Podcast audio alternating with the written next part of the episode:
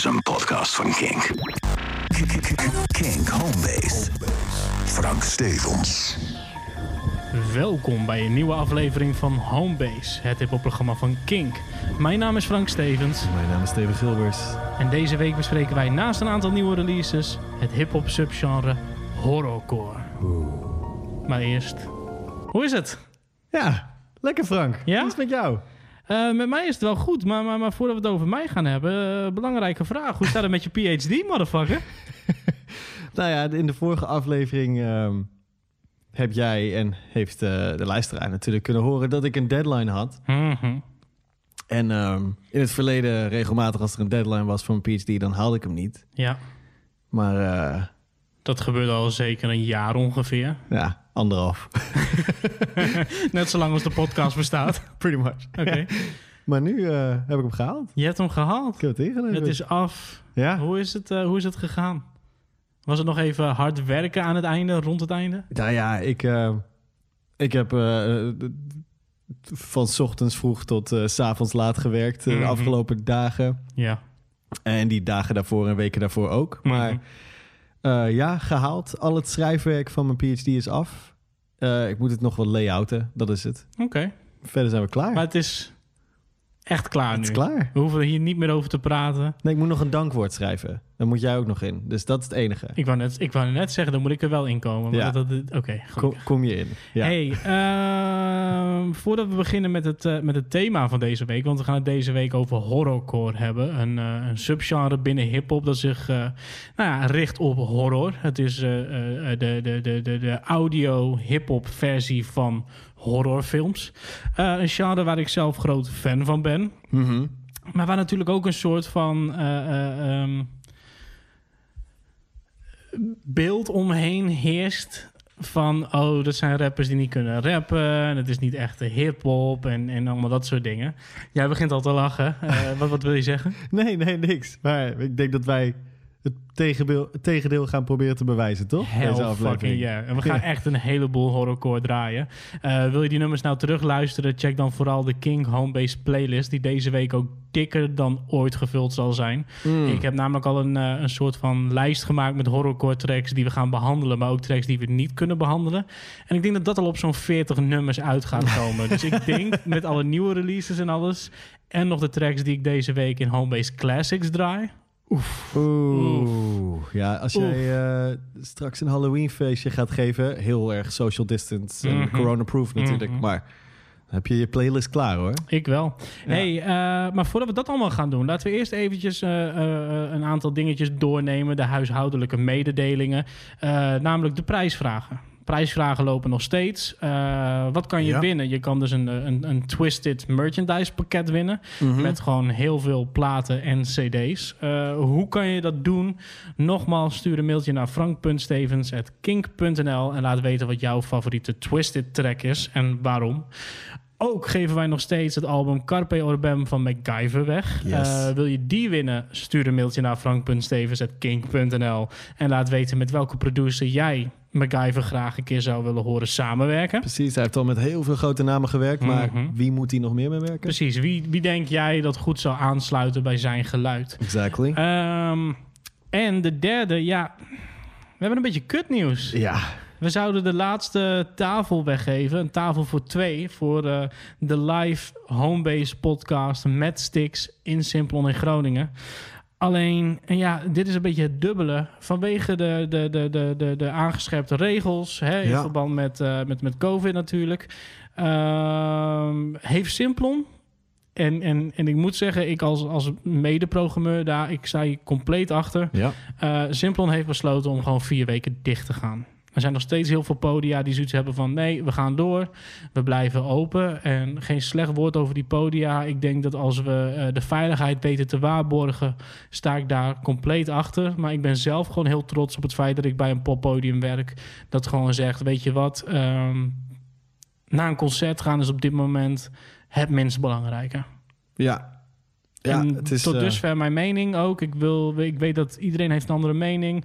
Op dit moment is de verdeeldheid zeker te merken in de media en alles. Dit is het enige wat ik erover zeg. Uh, wat, wel, wat het wel inhoudt, is dat we dus niet vandaag gaan bekendmaken wie er gewonnen heeft. Nee, dat was oorspronkelijk het plan. Want uh, Precies. de show zou de 28e zijn, maar dat. Ja, en we dat hebben gaat dus heel veel uh, deelnemers. Ja, zeker. We hebben echt heel veel toffe reacties binnengekregen. Uh, wat we gaan doen, we gaan het nog even uitrekken tot de volgende show. Dus die is uh, over twee weken. Ja. En rond die tijd hopen wij ook een nieuwe datum bekend te kunnen maken. Leek mij wel eerlijk. Ik denk, laten we eerst zorgen dat we een nieuwe datum hebben... en dan pas de tickets weggeven. Ja, nee, dat lijkt me verstandig. Voordat we iemand blij maken met... je hebt twee tickets gewonnen, maar we moeten nog even kijken... wanneer het plaats gaat. Nee, weet je. En dat geeft ook gewoon even luisteraars die het hebben gemist... Ja, uh, uh, de kans om alsnog mee te doen. ja zeker. En wat moesten ze ook alweer doen? Uh, wat ze moeten doen, ze moeten naar of jouw Instagram, of mijn Instagram, Ja. of de Homebase Instagram. Dus je moet of naar eh Steven laagstreepje Gilbers eh, op Instagram en onder de Stix foto die daar staat eh, reageren met jouw favoriete Stix line. Of je gaat naar apenstaatje Steven Francis 86, of naar apenstaatje Homebase, ik geloof laagstreepje Groningen. Ik geloof het ook. En daar moet je hetzelfde doen. Hetzelfde doen. Laat gewoon weten wat jouw favoriete Stix-line is. En wij gaan al die namen in één grote pot gooien. En dan gaan we husselen. En Loodje dan gaan trekken. We loodje trekken, inderdaad. Yes. Lekker old fashion.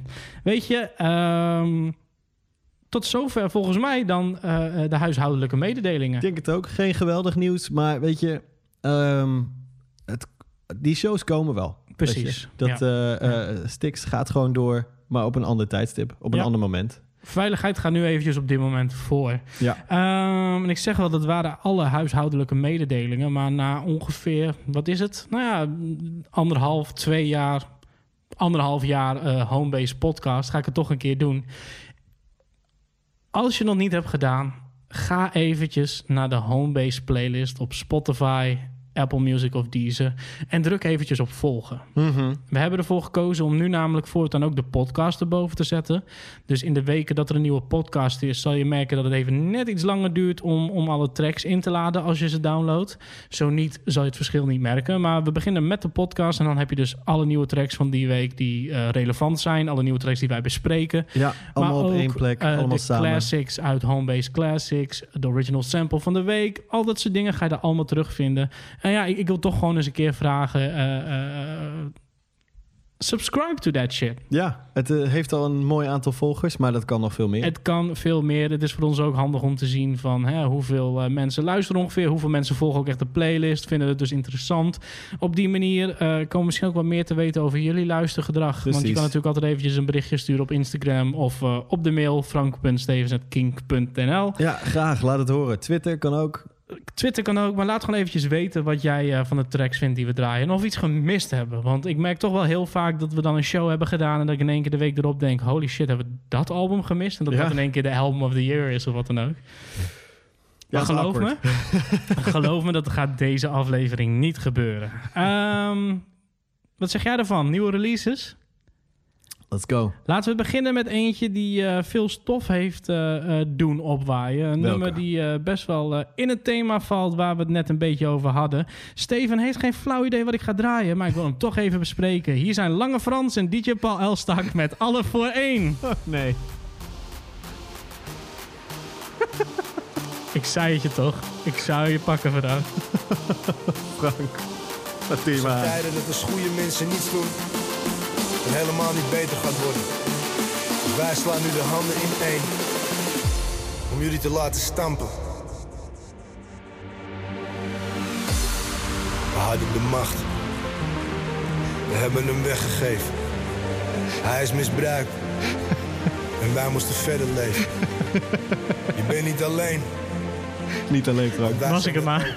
Waren we maar alleen. Lange Frans, Paul Elstak, brengen de smoke.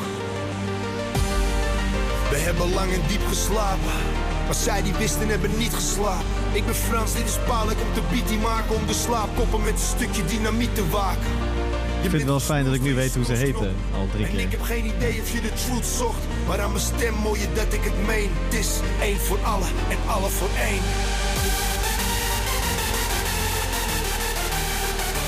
Lange Frans en DJ Paul Elstak voor als je de troet zocht. Eh, alle voor één.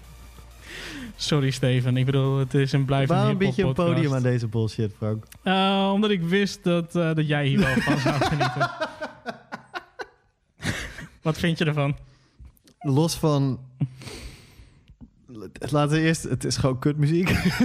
Ja, Gewoon echt, het is... ja, hij zegt ook heel weinig. Want je denkt van, nu gaan we even Lange Frans krijgen... die even wat, eh, wat feitjes gaat spitten. Ja, dat doet hij in Eh, de podcast, luisteraar kan het niet zelden, zien, maar, ik deed eh, air quotes Ja. toen ik zei feitjes spitten. Feitjes, ja. Ehm, maar het is een soort spoken word waar we sowieso al een scheidhekel aan hebben. Dat over een melodramatische happy house soundscape.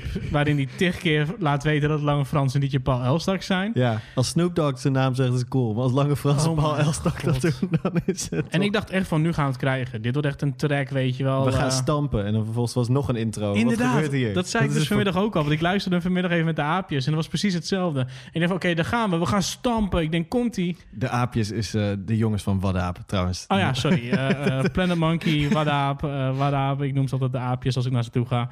Ehm, maar nee, eh, eh, ehm, ja, inderdaad. Je hebt die hele intro. We gaan stampen. En dan gebeurt het niet. Ah, Moeten we hier nog wat eh, over zeggen? Moeten we dit ook gewoon eventjes dit moment pakken om het te hebben over alles wat er op dit moment gaande is? Of zeggen we, jongen, daar hebben we helemaal geen zin in. We willen Nou, zo over horrorcore praten. Weet je, daar wil ik het heel graag over hebben. En over de nieuwe releases. Mhm. Maar het is, weet je, als je ehm, kijkt wat er nu speelt in de samenleving, wereldwijd, maar ook echt wel zeker wel in Nederland, dat je dingen hoort dat de NOS eh, hun logo van, eh, van, de, busjes, af moet halen, omdat ja. journalisten bedreigd worden door mensen die Ja, gewoon niks meer geloven wat in de, in de media verteld wordt. Omdat ze denken eh, dat kritisch zijn betekent dat je één bron gewoon compleet niet gelooft. En Ja. alle andere bronnen die je vindt dus compleet wel. Ja, dat is niet critical fucking thinking, people. nee. Critical thinking is dat je bij alles wat je leest, alles wat je hoort, eh, vragen stelt. Nadenkt over wat kan een reden zijn dat deze spreker Ja, maar dat zou is dus zeggen wat, wat, wat niet... die partij, laat zeggen die kant van de samenleving, nu gebruikt als argument voor, voor, de- voor, voor de fight that they are fighting. Ja, maar ze wij het niet bij stellen vragen, zichzelf. we geloven niet alles wat er gezegd wordt, maar, Maar je ze- gelooft gelo- wel ja. alles wat Lange Frans zegt. Ze geloven alles wat niet uit de politiek of de media, de mainstream media komt. Ja, ja. En dat is niet critical thinking. Dat is soort van, dan heb je stap 1 goed gedaan. Van, je neemt niet alles voor waarheid aan meteen, Mhm. per definitie. Eh, En, en de, volg, de vervolgstap verprut je. En Lange Frans is echt het is, gevaarlijk voor de samenleving, omdat hij gewoon, ja, gewoon domme bullshit aan het spuien ja, is. ja, ja. En op een of andere manier geloven heel veel mensen volgen het. Ook heel veel mensen Ja. die ik eh, op, op heel veel manieren hoog heb zitten. En die, Mhm. die volgen het alsof het, eh, alsof het soort van eh, freedom fighters zijn. Jongens, we moeten af en toe een beetje binnen zitten. It's not a fucking war. Het is beroerd. But it's, not, it's not what you think Ja. it is. Maar weet je wat het is? Ik bedoel, ik ben wel weer ontzettend eh, eh, teleurgesteld als ik om me heen kijk. Ehm, wanneer gingen de regels in? Afgelopen woensdag, geloof ik. Het wel, ja. En ehm, ik hoorde direct al berichten dat in Groningen de hele stad vol zat. Iedereen dacht, laten we nu nog eventjes snel gaan zuipen, gaan eten. En dat ik denk, kan het, weet je, en dat is natuurlijk de schuld van was, de eh, government... die dat- gewoon zegt van, eh, eh, het gaat morgen om tien uur in. Dat ik denk, nee, het gaat direct Nu. in. Nu. Ja. Nu, direct. Dan maar weer die, die, die, die, die chaos zoals toen bij de coffeeshops. Dat ze zeiden de coffeeshops gaan om zes uur dicht en dat er overal rijen stonden. Weet je, dan, dan dat maar weer. Maar je geeft mensen nu de kans om... om je geeft ze nu een slap excuus om nog even een feestje te vieren. Terwijl de nood is al hoog. Het is al seri- serious business op dit moment. Ja, nee. Geef ze dan eh, niet nog een kans om nog eventjes... Even lekker met de meiden uit eten. Nee, fuck die sushi-restaurants, Ja. weet je. Krijg het heen en weer. Of weet je nog even met z'n allen een drankje doen. Nee, flikker een eind op. Niet doen. Waarom?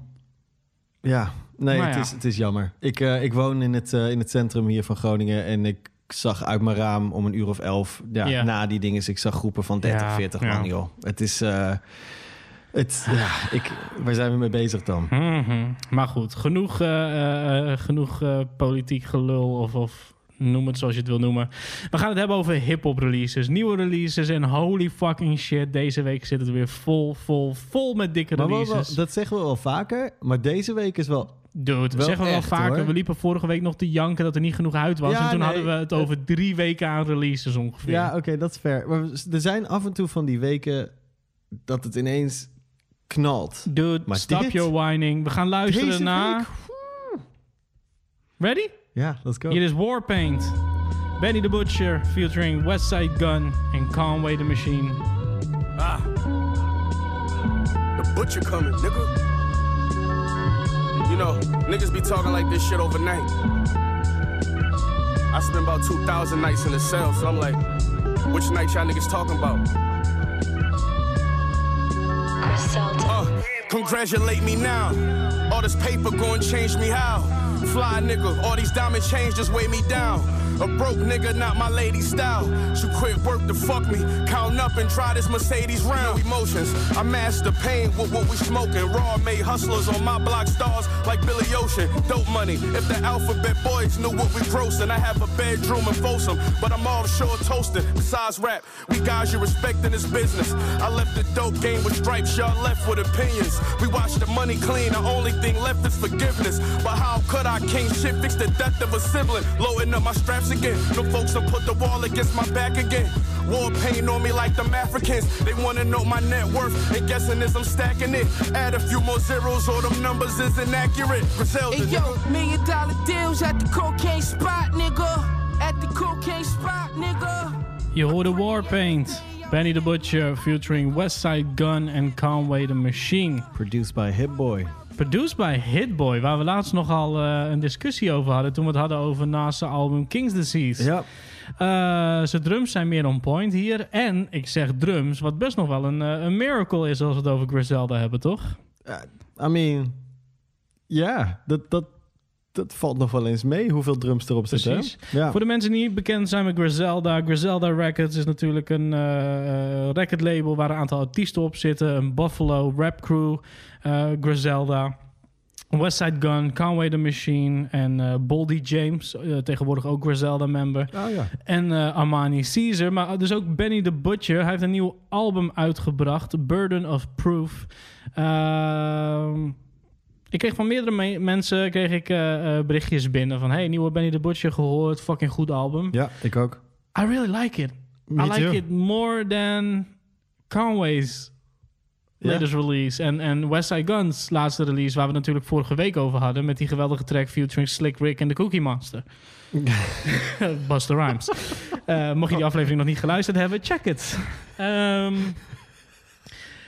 Ja. maar beter nee, dan het die is, platen. Het is heel solide. Ja. Heel solid. en ik Ehm. zei net eventjes expres Buffalo Rap Crew. Ik vergeet dus de hele tijd dat ze uit Buffalo komen. Ja. Zou je niet verwachten? Nee. Waar had jij gedacht dat ze vandaan kwamen dan? Ja, wat denk je? I don't know. Bumfuck Ohio. Bumfuck Ohio. nee, maar eh, eh, jij was ook enthousiast? Ja. Ja. Why? Ik vond, ehm, ik vond de producties heel nice. En de, ehm, de storytelling was, was ook nice. Ik vond ook de references naar, naar de Jay-Z, early Jay-Z records in de intro. Mhm. eh, Oké, I'm reloaded. Die, dat vond ik dope. Er zaten veel callbacks naar ja, classic hip-hop shit in. En, en het voelde fris. En ik heb niet altijd bij Griselda het gevoel dat het fris Nee. Het is altijd Nee. goed. Maar daar hebben we het vorige week over gehad. Soms is dingen die high quality zijn, zijn niet meteen dat je heel erg enthousiast ervan wordt of zo. En deze, Ja, maar het is natuurlijk ook wel een lastig genre waar zij in zitten. Hè? We gaan Ja. straks hebben over subgenres. En dit is toch al echt die mafioso rap shit. Die drug deal hip-hop shit. ja precies. Ehm, ik weet trouwens dat je me net ergens op probeerde te pakken. En dat is inderdaad omdat ik mijn shit niet helemaal op orde had. Ze komen uit Buffalo. En bij Buffalo denk je toch meer aan Texas of whatever. En ik wou zeggen, het klinkt als een New York group. Maar Buffalo is natuurlijk New York. Dus ik ga gewoon nu even toegeven wat er net aan de hand was. Want jij zat me al aan te kijken. Zo, doe maar Frank, je wil New York zeggen. Je wist het, hè? Ja, hè? Dan zit hier nu iemand heel hard te knikken. Motherfucker. Nee, maar eh, het is echt die... die, die, die, Hey, die jij graaft zelf je eigen grap. Ik, ik deed niks. Hey dude, weet je, ik denk gewoon, het is mijn podcast al, eh al hey, hey, anderhalf hey, jaar. het is onze podcast. Nee, mijn podcast. Je bent de co-host. Ehm, I love you though. Ehm, maar ik denk, weet je wat? Eh, Gewoon eerlijk zijn. Dat is wat er eventjes aan de hand was. Ja, ja, ja. Ehm, nee, maar mafioso rap, eh, drug deal, eh, drug dealer, hip-hop, drug eh, game, hip-hop. Dat- Ik bedoel, dus denk ik toch ook eigenlijk een subgenre? Ja, ik bedoel, mm, mid-90s, soort van s- tweede helft van de 90s kwam Ja. mafioso rap echt op natuurlijk. En je hebt daarna nog clips en zo. En, en Ja, maar die early Jay-Z was dat wel een beetje de firm. Raekwon, Build for Cuban Links natuurlijk. ehm, ja, nee, ja, de, de firm. ja, de firm. Oh ja, de firm inderdaad. Ja, klopt. Ehm, maar ze brengen het wel naar een next level. En ik denk dat dat level was een tijd lang dat ik het wel kon waarderen. Maar hier hebben we het al zo vaak over gehad. Maar hè, eh, eh, iedere podcast is iemands eerste podcast. Vandaar dat we het gewoon nog een keer zeggen. Ehm, het was hier en daar een beetje boring of wat dan ook. Het is alsof je een eh, goed boek leest, maar wat net iets te veel hoofdstukken heeft. Waardoor je denkt van, oké... Dat je het toch weglegt. Dat je het weglegt. Ja. Voor mij, het is een horrorboek, hè, in thema voor deze aflevering. It. Mhm. I love the story of It. Ik heb beide films gezien. Hoe kom je niet door? Boek kom ik niet door, sorry. Het is echt wel een goed boek en er gebeuren hele gekke dingen in. Alleen iedere keer stop ik weer op een, op een bepaald moment. En dat idee heb ik soms ook een beetje met Griselda. Dat ik Ja. denk van ja, het is lekker voor de paar tracks, maar dan begin ik te zappen. En dat is denk ik zo'n dingetje waaraan ik heel erg merk van is het goed of niet. Ja. Dit album heeft dat totaal niet. Nee. Maar goed, hij werkt met eh, Hitboy op deze plaat. Ehm, niet een producer waar ze nou echt onbekend staan dat ze daar regelmatig mee werken. Ehm, Het, is een hele goede match. hele goede match. Ja. Beter dan Nas was met Hitboy, vind ik zelf. Hoe kijk jij nu terug op King's Disease? Ah, je hebt een klein beetje verpest van mij, die platen. Nee, Wel, hè? een klein beetje. Ja, ik vind het nog steeds een hele lekkere plaat. Mhm. Ehm, maar Misschien passen de producties gewoon beter bij Benny de Butcher Misschien. in verband met verwachtingen. ja, Dat ik het bij niet had verwacht, zulke nee, producties. ik, ik, dat, dat zou heel goed kunnen, ja, dat dat het is. Ik vind deze in ieder geval... Ik heb hem nog niet zo vaak geluisterd als eh, King's Disease. Nee, Want hij kwam eh, gisteren uit. Ehm, het moment dat we het opnemen in ieder geval. Ja. En, ehm, maar ja, ik, ik heb niks willen skippen. Ik, ik, Nee, ik dus ook niet. En nee. ook de gekke collabs niet. Want eh, Nee, ehm, als je kijkt naar de collabs, dan denk je... Nou, dat, dat weet ik niet, Frank. Of dat wel iets voor jou is.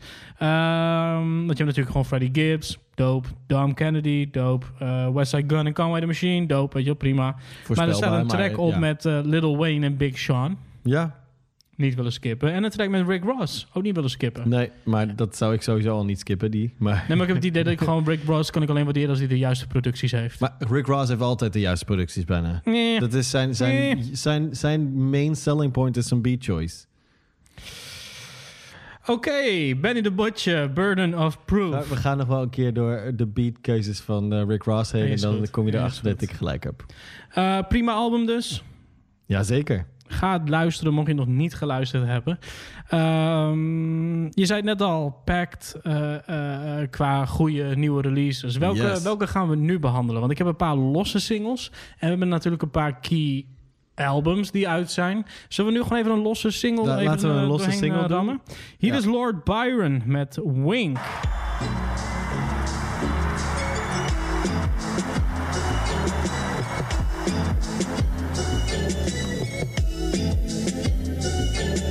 The nature of things that bring clarity to the scene, bring clarity to your team in the form of things that bling abnormally on the brink of extinction for all the demons that wink.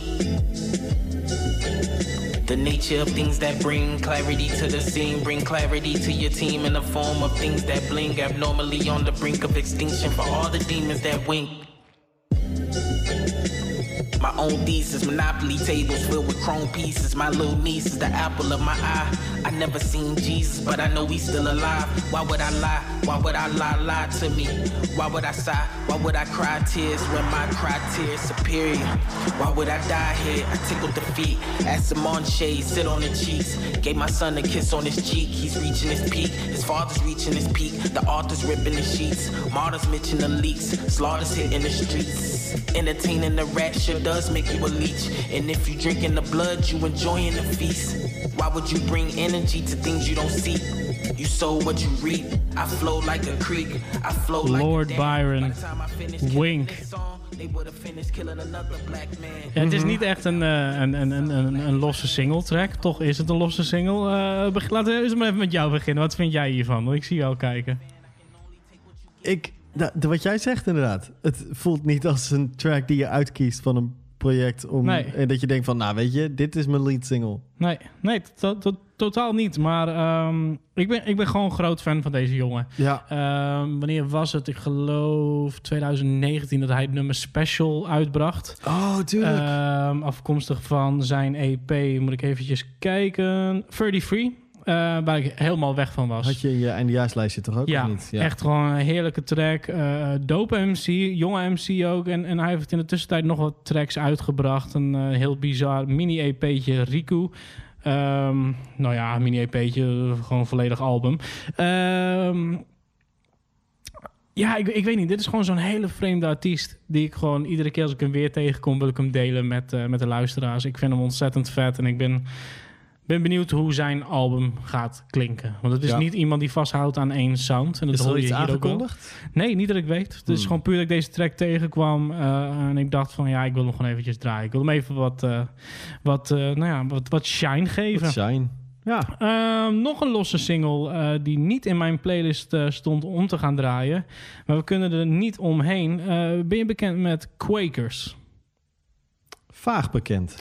Nou, ja, ik ga je zo uitleggen wie, eh, wie Quakers zijn. Ben je bekend met Sampa the Great? Daar ben ik zeker bekend Kijk. mee. We gaan luisteren naar een eh, single van Quakers featuring Sampa the Great. Hier is Appro Ap- Approach with Caution.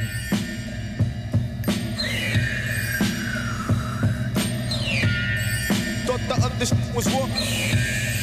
Well, liquor and get close. We don't, we don't,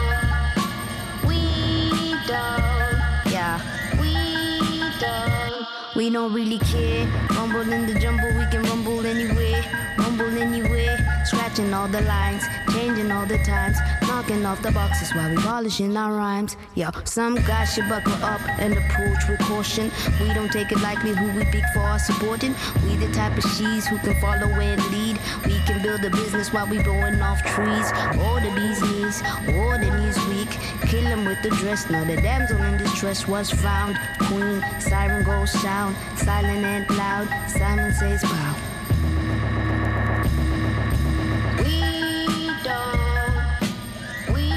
Approach with Caution. Quakers featuring Sampa the Great. Afkomstig van het, eh, van het album wat eraan zit te komen. Nou moet ik even kijken. Het heet The Next Wave. Maar er staat ook iets voor. Quakers to the Next Wave. Ehm, ik vroeg net al aan jou. Ben jij bekend met Quakers? Eh, je zei dat ergens kwam het je wel wat, eh, wat, Ja, wat rings a bekend bell. voor. Ja, rings a bell. Ehm, Quakers is een soort van nou ja, hip-hop collectief. Ehm, dat, dat, dat per album eigenlijk. Ik dacht de vorige keer trouwens ook dat het gewoon bij één album zou blijven. Maar nu hebben we een tweede album. Dus ik kan het nu zeggen dat per album verschilt eh, eh, eh, qua samenstelling. Hun eerste album werd uitgebracht in. Poeh, wanneer kwam dat eerste album uit? Even kijken of ik het hier heb staan. Nee, nou, ik denk 2016 of zo, 2015 misschien zelfs. Ehm, het is een groep bestaande uit eh, drie producers: Fuzzface, 727 en Catalysts. Eh Fuzzface is eh, ook wel bekend als Jeff Barrow van Portishead. Oh. Nou, dan weet je dus dat je sowieso al te maken hebt met een, eh, met een topproducer. Iemand met eh, heel Trip veel verstand van, eh, Mhm. van, van samples. Hetzelfde geldt trouwens ook voor Catalyst en eh 727. Met z'n drieën gaan ze het avontuur aan. Ze maken allemaal beats en dan nodigen ze nou ja, meerdere rappers uit om een track mee te doen. Het eerste album was ook direct een dubbel CD. Quakers, Quakers gewoon. Beetje Gorillaz-achtig concept dan? Een beetje een Gorillaz-achtig concept inderdaad. Maar het wordt uitgebracht op Stones Throw. En dat hoor je denk ik ook wel qua beats. Ja. Het heeft een beetje Ja. die, hè, die, die, die, die, die instrumental hip-hop vibe die je ook van Stones Throw gewend Ja. bent. Ehm, wat ze hier aangeven is... eh, eh, het album komt op 13 november uit. 50 minuten. 33 tracks. 31 rappers. 3 Wat, producers. 33 tracks Yep. in 50 minuten. Yep. Maar dan moet je ook rekening mee houden dat sommige tracks, volgens mij duurt deze track ook maar iets van twee minuten. Pu- ja, even dat, dat kan haast niet anders dat die ja, heel 2 kort minuten zijn. 32. En volgens mij op het eerste album werd het ook afgewisseld met skits en kleine instrumentals. Maar op het eerste album stonden eh, members van eh The Far Side, heel veel Stones Throw rappers zoals John Wayne, eh, Guilty Simpson, een paar classic helden. Het is gewoon altijd een, weer een verrassing wie er op een Quakers plaats gaat staan. Vet. En ik had nooit verwacht dat er een tweede deel zou komen. In één keer eh, was er een track uitgebracht met eh, de Koreatown Oddity. Dat is een artiest op Stones Throw. Die was al ontzettend lekker. Dat had ik ook in de playlist gezet. Maar deze week zag ik in één keer Quakers featuring Sampa the Great. En dan dacht ik, oh, kijk, dat vind ik nou gewoon tof. Omdat ik, ik hou van Sampa the Great. Mixed up met Quakers. Like, oh, dude. Nee, maar we're simple guys. We see Sampa the Great in the release radar. We Hey, press play. We press play. Dus direct goed. Ehm, ja, lekker toch? ja. Hoeven we niet eh, meer woorden aan, eh, aan vuil te maken, lijkt Nee, mij. Ik, eh, 13 november zei je? 13 november komt het album uit. Ik denk dat we hem eh, wel gaan bespreken. Ik denk het ook wel, ja. Eh, nog zo'n track. Je zei het net al. Soms zie je gewoon iets staan. We're simple guys. Wij zien Samp and the Great. Druk op play. Datzelfde hebben we natuurlijk ook met Nas. Datzelfde hebben we ook met Joey Badass. Mhm. Datzelfde hebben we ook met Gary Clark Jr. En nou, zo heel af en toe hebben we dat ook wel eens met Static Selector. Deze vier zijn allemaal samengekomen en hebben een single uitgebracht genaamd Keep It Moving. Static selector. Right. Yeah. Check it out. Now I won't turn the other cheek or walk away anytime it's beef. If it's that, it'll be your last supper. I guarantee. I took a 40 course of casualties, I'm already. I studied 33 strategies, so bite the bullet. It's two, two, threes through your cavities that exit out the back of your mullet. Should have happened to pull this trigger. So how you figure? I read the evidence and watched my sins off in the same river. Possessed by Marcus Garvey, the vessel, the body, ancestors inside me. I'm starting the insurrection. The Pope's blessings upon me couldn't even call me protection. Come for prayers, my.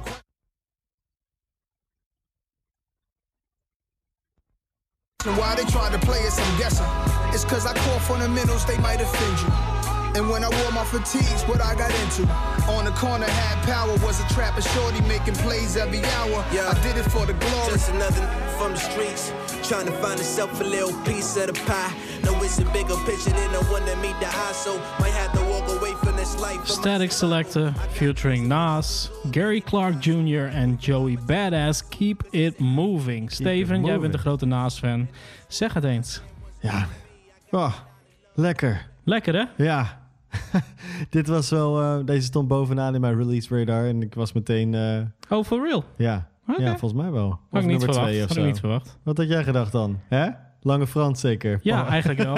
Nee, nee, maar ik bedoel, eh, omdat ik jou liet weten van... joh, heb je die single gehoord? En je had hem al wel gehoord, maar ik had eigenlijk verwacht dat als dat bovenaan je release radar zou staan... je me dat donderdagavond direct had laten weten. Ja, maar ik checkte het toen ik al in bed lag. op vrijdag, weet ik veel. En dan denk je niet even naar mij. Ik, ik denk altijd aan jou, Frank. Maar soms denk ik, die jongen heeft ook zijn rust nodig. En, eh, Precies, precies. Dank je. Wordt gewaardeerd. Maar eh, nee, hele, hele vette track. Ik vond het heel vet hoe...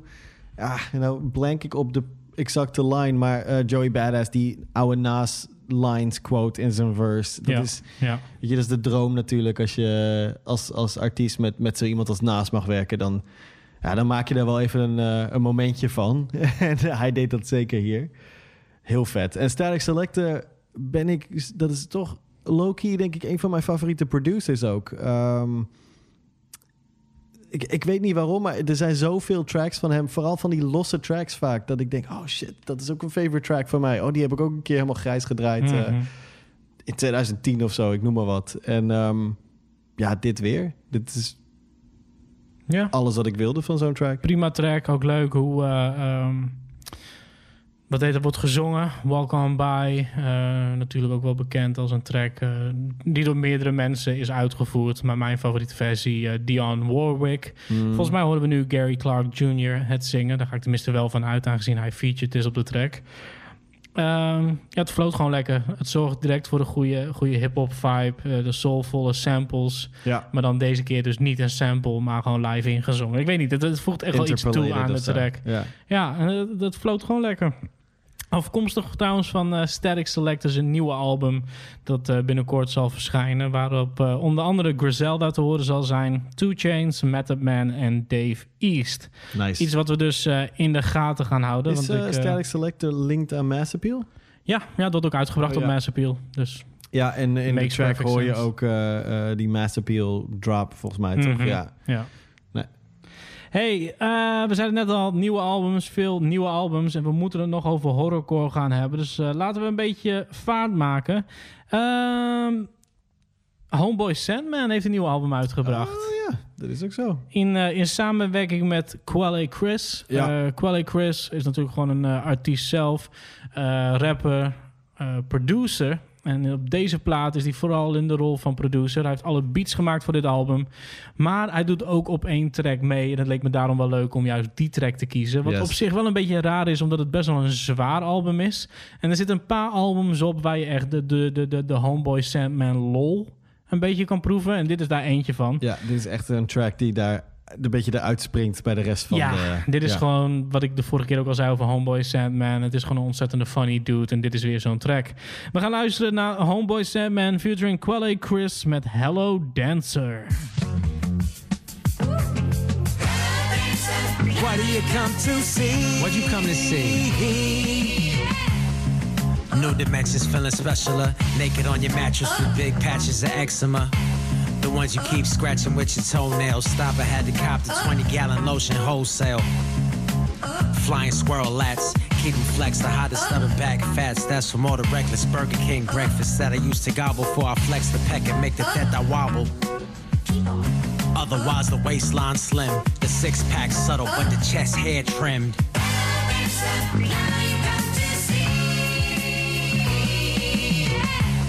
Wang hang slanted, front and rear dealt like you felt granite, fucking gigantic. All organic, opposite of frail also. Wintertime, behold a pale torso. Any, back like a jetpack. Graze the sun and age, but run a Jimmy Jet. Hello Dancer, Homeboy Sandman featuring Quelle Chris. Afkomstig van het album Don't Feed the Monster. Ja, En je hebt het album geluisterd. ik heb hem geluisterd, ja. Wat, eh, wat vond je ervan? Was het, was het zo zwaar als we hadden verwacht? Deels. Ehm, deels. Het was, eh, weet je, we hebben vorige week die track besproken, of vorige aflevering in ieder geval. Mm, Weet ik niet. Ik, ik heb het idee dat de aflevering daarvoor was. Maakt er niet uit. Nou, in ieder geval, we hebben recent Trauma besproken en Ja. hoe duister die track wel niet was. En ehm, over wat voor onderwerpen dat ging en dergelijke. Het is ook gewoon nog de opener van het album. Ja, dat is wel een- statement voor waar je heen gaat met de rest van het album. Hij heeft er ook zelfs nu een videoclip voor uitgebracht. Dus het is ook echt de leading single of the project. Ja, heavy.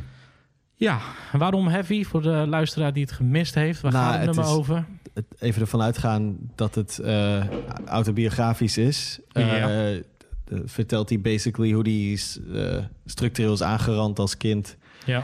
Door allerlei familieleden. En eh, Het effect dat dat op hem heeft gehad. ja, ja, dat is heftig. Heel mooi geschreven. Echt heel... Mhm. Like, het komt binnen, zeg maar. Ja. Maar ja, heftig. En, ehm, en dat, dat geluid en ook die flow, die soort van... ehm, die, die hele staccato-achtige steady flow die hij doet... Mhm. die, die hoor je veel terugkomen op het album. Maar er staan ook tracks op Waiting for My Girlfriend... wat er basically over gaat. Het cliché van de, de, de vriendin die zegt... ja, ik ben bijna klaar. En dat dan nog drie uur later nog steeds eh, in de badkamer staat. Inderdaad. En daar heeft hij gewoon een hele track over gemaakt. En, en deze is veel meer whimsical, zou je kunnen zeggen. Veel, veel, ehm, Ja, ja, funnier. een eh, kant van Homeboy Sandman die ik enorm waardeer, maar Zeker. niet had verwacht op dit album. Want de beetje- en het hele thema Don't Feed the Monster en, en die track Trauma. Ik dacht van, oké, dit gaat een wat zwaardere plaat worden. Ja, Is het niet zozeer geworden? Nee, maar Het is wel een, een, een open boek. ja, ja, klopt. Ik bedoel, hij zegt, eh, hij neemt geen blad voor de mond. Laat, het- laat het zo zeggen. Ja, nee, nee, niet. Nee, want het is dus, ja. Het, het is ehm, volgens mij een soort pla- een plaat. Volgens mij zei jij zoiets toen we, voordat we aan het opnemen waren. Jij noemde het geloof ik... eh, ja, dit is echt zo'n plaat die je maakt als je heel zagrijnig bent. En dat je dan eigenlijk misschien wel eh, een homie nodig hebt naast je die zegt van... Zou je dit wel doen? Zou je wel doen? Het is wel heel erg... eh, ik ben wel heel Ja. pessimistisch vandaag. eh. Ja, nou ja, dat, dat is het wel. Ehm, hij heeft zelf ook in een interview gezegd dat het. he was having a hard time. En dat, dat dit album hem heeft gered. Dus ik, ik heb Ja. het idee dat hij gewoon, eh, wat we al eerder zeiden, juist in deze tijd waarin, eh, weet je, hij woont in New York, eh, nog, nog strengere lockdown is daar geweest natuurlijk ook. Ehm, Was het hier maar zo, hè? nou ja, soms zou ik dat wel willen. Eh, maar maar het, eh, zoals ik het toen zei tegen jou, van er is genoeg tijd geweest voor hem om eens eventjes in de spiegel te kijken. En het is misschien niet Ja. altijd even leuk wat je in de spiegel tegenkomt. Nee. En dat hoor je op deze plaat. En Maar ik dat- denk dat het een soort van, dat het, nou, het is therapie geweest. Ja, het is cathartic. Het is, eh, wat je zegt, therapie. Het is gewoon van je afschrijven waarschijnlijk. En ik hoop voor hem dat hij er nu beter in staat. Ja, ja. Maar het is, het is dope. Het is heel interessant. Het is altijd vet om naar Homeboy Sandman te luisteren. Want hij schrijft op Ja. bepaalde manieren die gewoon anderen niet echt doen. Net volgens mij in die Ik line net dat hij zo van... Ineens heeft hij het over eczema. Dan denk je, waarom heb je het over eczeem? Weet je, wat is dit? Van, ja, wie heeft... dat is Homeboy Ja, dat is. Homeboy Sandman. Ja, dat, die, dat is hetzelfde daarover. met, met MF Doom, die gewoon een hele Ik track maakt zeggen, over het pissen in een emmer in de studio, omdat er geen wc is. Ja, maar dit voelde voor mij af en toe heel erg Doom-achtig. Ja. Eh, ook de, de stijl en ook de flow en dergelijke. Hoe die, in, de- misschien zelfs de beats. Ja. Het voelde echt eh, heel erg Doom-achtig. Nou ja, wat, wat ik in ieder geval aan de luisteraar mee wil geven... als je nog twijfelt eh, eh, om het album te gaan luisteren... omdat je misschien denkt... ah, ik weet niet of ik wel zin heb in een heel zwaar album... misschien dat dit nummer je een beetje over kan halen... om het toch te gaan checken. Want het album is niet, vooral qua producties... zo zwaar als je zou verwachten. Nee, nee, de Quelle zijn... Chris gaat echt helemaal los op de producties. En het is alles, alles, wat je... alles heeft hij gedaan. Ja. Oké. Is alles wat je van, eh, eh, eh, van producties op een Homeboy Sandman album verwacht. Juist omdat de Homeboy Sandman altijd zoveel experimenteert. Ja. Dus ja, nee, echt een match made in heaven. Voor mij mogen ze het zo weer doen. Maar Homeboy Sandman kennende komt hij eh, eh, over twee jaar met een album met een totaal andere producer. Of weer met tien verschillende producers. en is het weer een totaal andere plaat. Maar, maar Likely, wees niet bang om dit album te gaan checken. Als je denkt, ik weet niet of ik nu een zwaar album kan, eh, aan kan. Don't worry about that. De, Nee. de, de beats zorgen er wel voor, want daar was ik een beetje bang voor. Ik was echt heel even zo van, Oh, ga ik dit aanzetten en kom ik in een heel donkere Juist. nou ja, ja. Ja. En gelukkig heb ik dan, mocht dat het geval zijn, here we go van Stakabo om me er weer uit te trekken. God, Misschien ie dat we het daar later nog wel over hebben. Ehm, Homeboy Sandman zei het al op zijn eh, eh, album First of a Living Breed op de track Couple Bars. I'm still Black Thought's biggest fan. Only now I can call him to tell him. Zo. Damn. Ehm, lijkt mij een mooie brug naar Black Thought. Die Ik denk dat eindelijk, dit maar toch, Stream of Thought deel 3 uit heeft gebracht. Hell yeah. Ehm, we zaten er al een tijdje op te wachten. Op een gegeven moment zou het album uitgebracht worden. Is dat niet gebeurd? Het was volgens mij dezelfde week. Ehm, was dat die week? Welke week?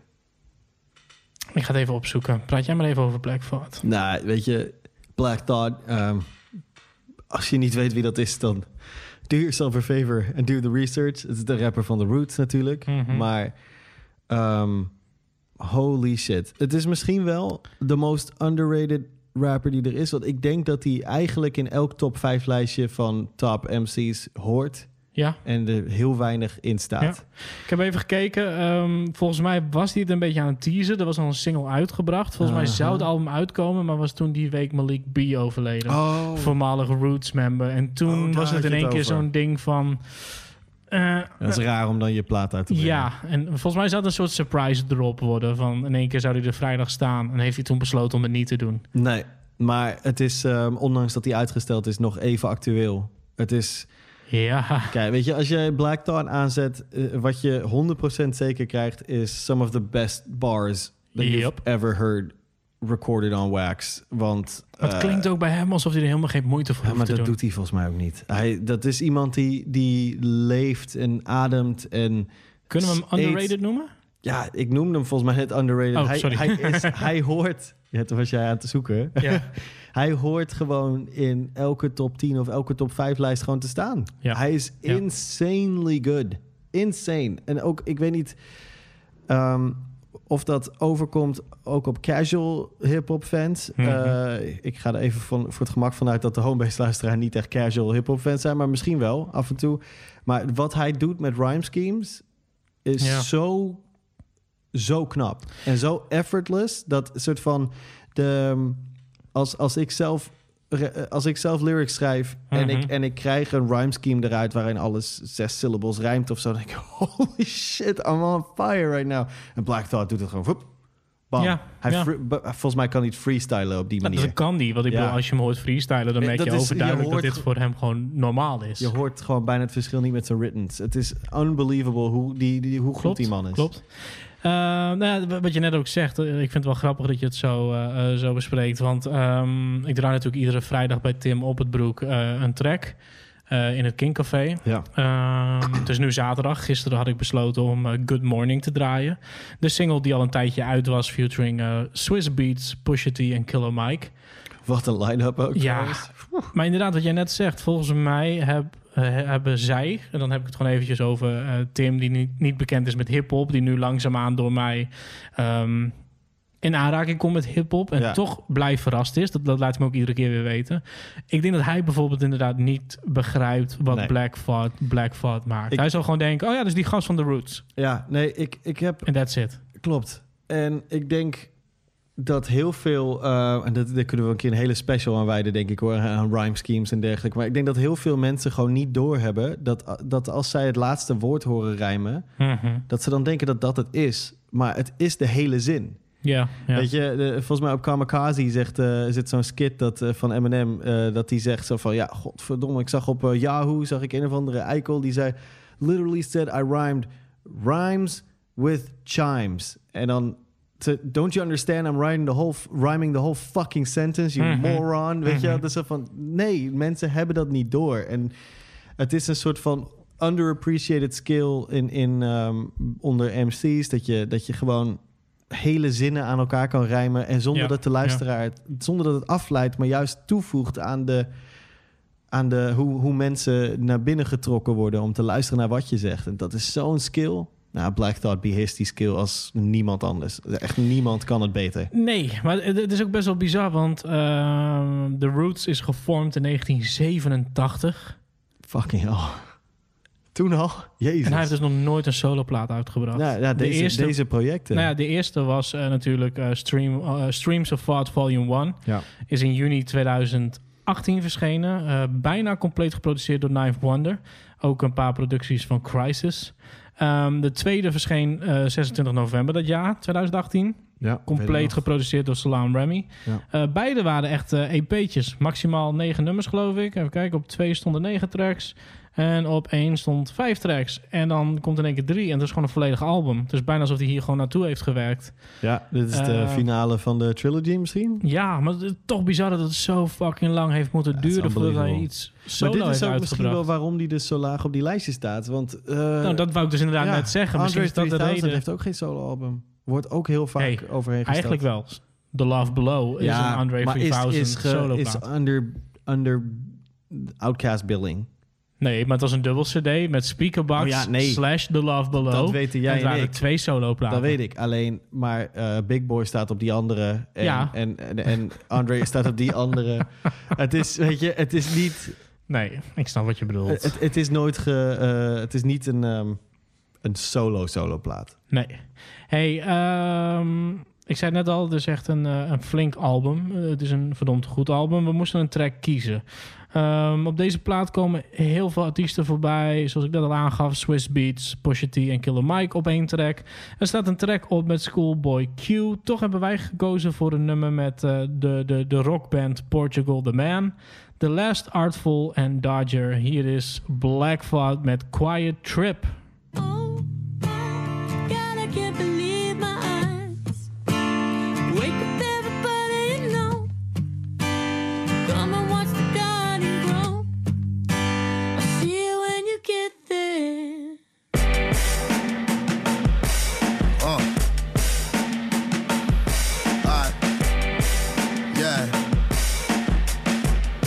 Juve 10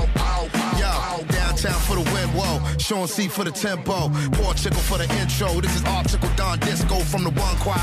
Calling shots like an umpire where I live, yo, man. I done lost mad kinfolk over gunfire through the window. As a young squad who become side, had a way to tell when I was info. I was 5'9 like Royce with a giant voice like Mike Winslow. Never been quite like them, so I'm on my own time. Mind darker than a coal mine. Walls deeper than a gold mine. So I'm out here slanging on this blade, hoping that I don't get cut. by these police making raids on those of us who know what's up. My little homies, my sons, got them keys and they got them drums, making superstitious runs on them insufficient funds. No more rules to this here shit. Topless packing a revolver. How the hell you rob us? Gonna rob the robber. See you with that heater, you sweeter than peach cobbler. If it ain't about that paper, the man that ain't Reek Obler. And you know what's going. They say woke about that dope. Ask some fiends about them keys, about that coke, about that smoke. 215 my city, man. And we it from round here. If it's crazy where you at, then it ain't no different round here. Oh my God, I can't believe my eyes. Wake up everybody, you know. We all gotta wake Come and watch the garden grow. We all gotta wake See you when you get there. Oh. Black Thought featuring Portugal the Man en The Last Artful Dodger. Ik zei net The La- Last Artful en Dodger. Maar dit is omdat eh, ehm, ik twijfelde al, want volgens mij is het gewoon Artful Dodger en The Last Artful Dodger. Maar ehm, Portugal the Man schrijf je als Portugal punt the the man. En The Last Artful Dodger schrijf je als The Last Artful, comma, Comma, Dodger. Dodger. Dus je hebt hier staan op Spotify Black Thought, comma, Portugal punt the man, comma, The Last, Artful, comma, Dodger. Dus eh, eh, please forgive me for my eh, mistake. I forgive you, Frank. Quiet Trip hoorde je. En het leuke is dat er staan drie tracks op in, in, in, in, in dit format op het album. Er staan drie tracks op met Portugal the Man en The Last Art Ja. of Dodger. En dat, dat hoor je ook wel. Het zijn wel een beetje de tracks die eruit springen. Maar het zijn wat mij betreft ook de sterkste eh, tracks. En dat neemt niets weg van de rest hoor. Want het is echt een fucking goed Oh, compleet ik, ik album. kan op dit moment nog niet kiezen wat de sterkste tracks zijn. Er zitten geen zwakke tracks tussen. En het is, het is, zo, het is muzikaal zo goed. Het is ehm, qua message op dit is super relevant op dit moment. Mag ik Eh, een tricky vraag aan je stellen? Oeh, Wat is beter? Dit album ga je Run the Jewels zeggen? of J Electronica? J Electronic, fuck. Oké, qua... Oeh, dat is... Oh, dat, Wil je trouwens weten waarom ik deze vraag stel? Check dan vooral de vorige aflevering waarin eh, Steven en ik Oh. het, eh, het lang verwachte eh J toen net Electronica. uitgelekte eh, J Electronica album bespraken. Mm, dit is een goede vraag, zeg. Dit is namelijk mijn antwoord erop. Eh, dit is wat ik eh, J Electronica toewens. Zo'n steady album qua producties en alles. En ik denk dat J Electronica, wat we toen ook al zeiden... en ik speelde natuurlijk wel een beetje de Devil's tegenpartij... advocate, maar ja. hij is gewoon een fucking goede MC. En dit is wat ik hem gun. Zulke ik producties, zo'n album. En Ik weet niet of je het kan vergelijken. Ehm, ik denk dat het zo'n ander soort album is. Ja, Ehm, ja. Maar...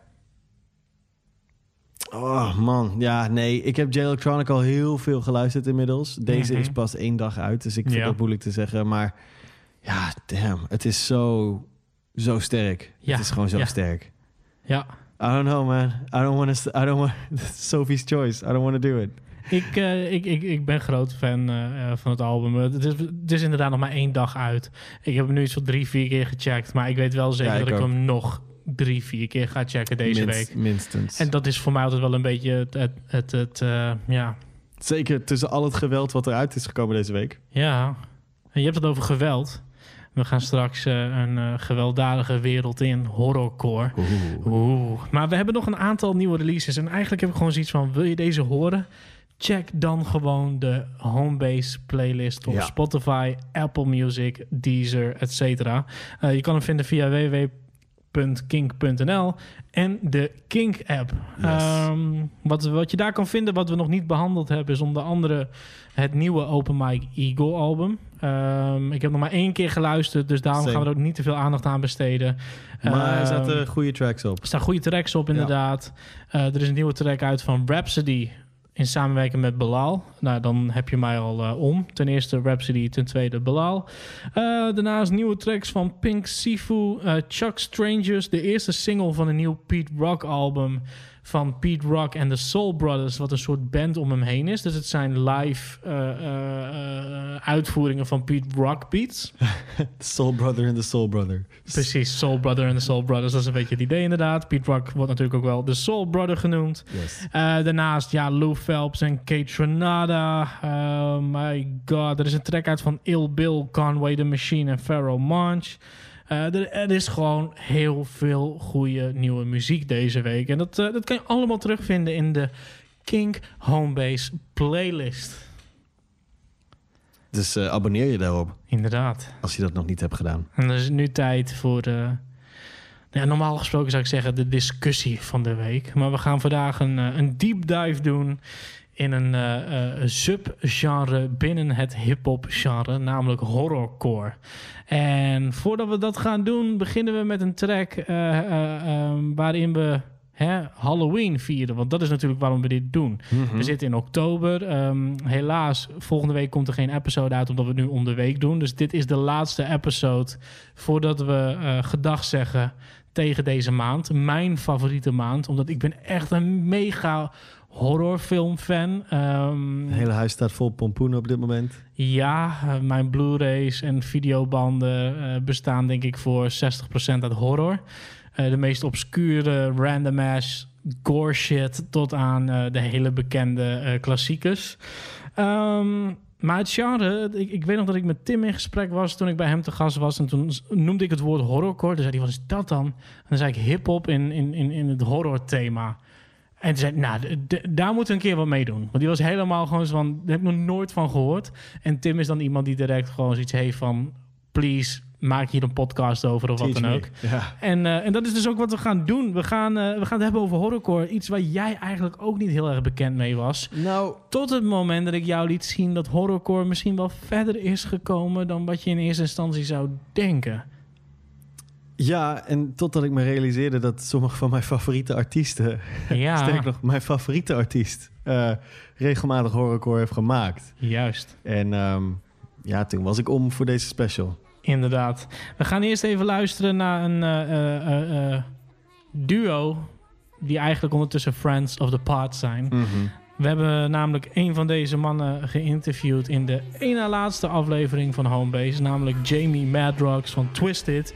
Hier is Waited Till Halloween van Twisted. En dan zijn we zo terug en dan gaan we het hebben over een van mijn favoriete subgenres, horrorcore. It was Halloween 85. I'm knocking on your door, but when it opened, it was creaking and his voice real low. It said, This is a special treat for you, little guy. And if you right now, you get another surprise. I'm like, fuck it, give it up and let me eat it. Hurry up. And by the time I went to swallow, I was covered in blood. Now he's laughing at me, saying that the joke has been made. And after all the surprise was inside, it was a razor blade. Now I'm choking on my own blood. I can't breathe and I really wanna leave, but my soul's stuck.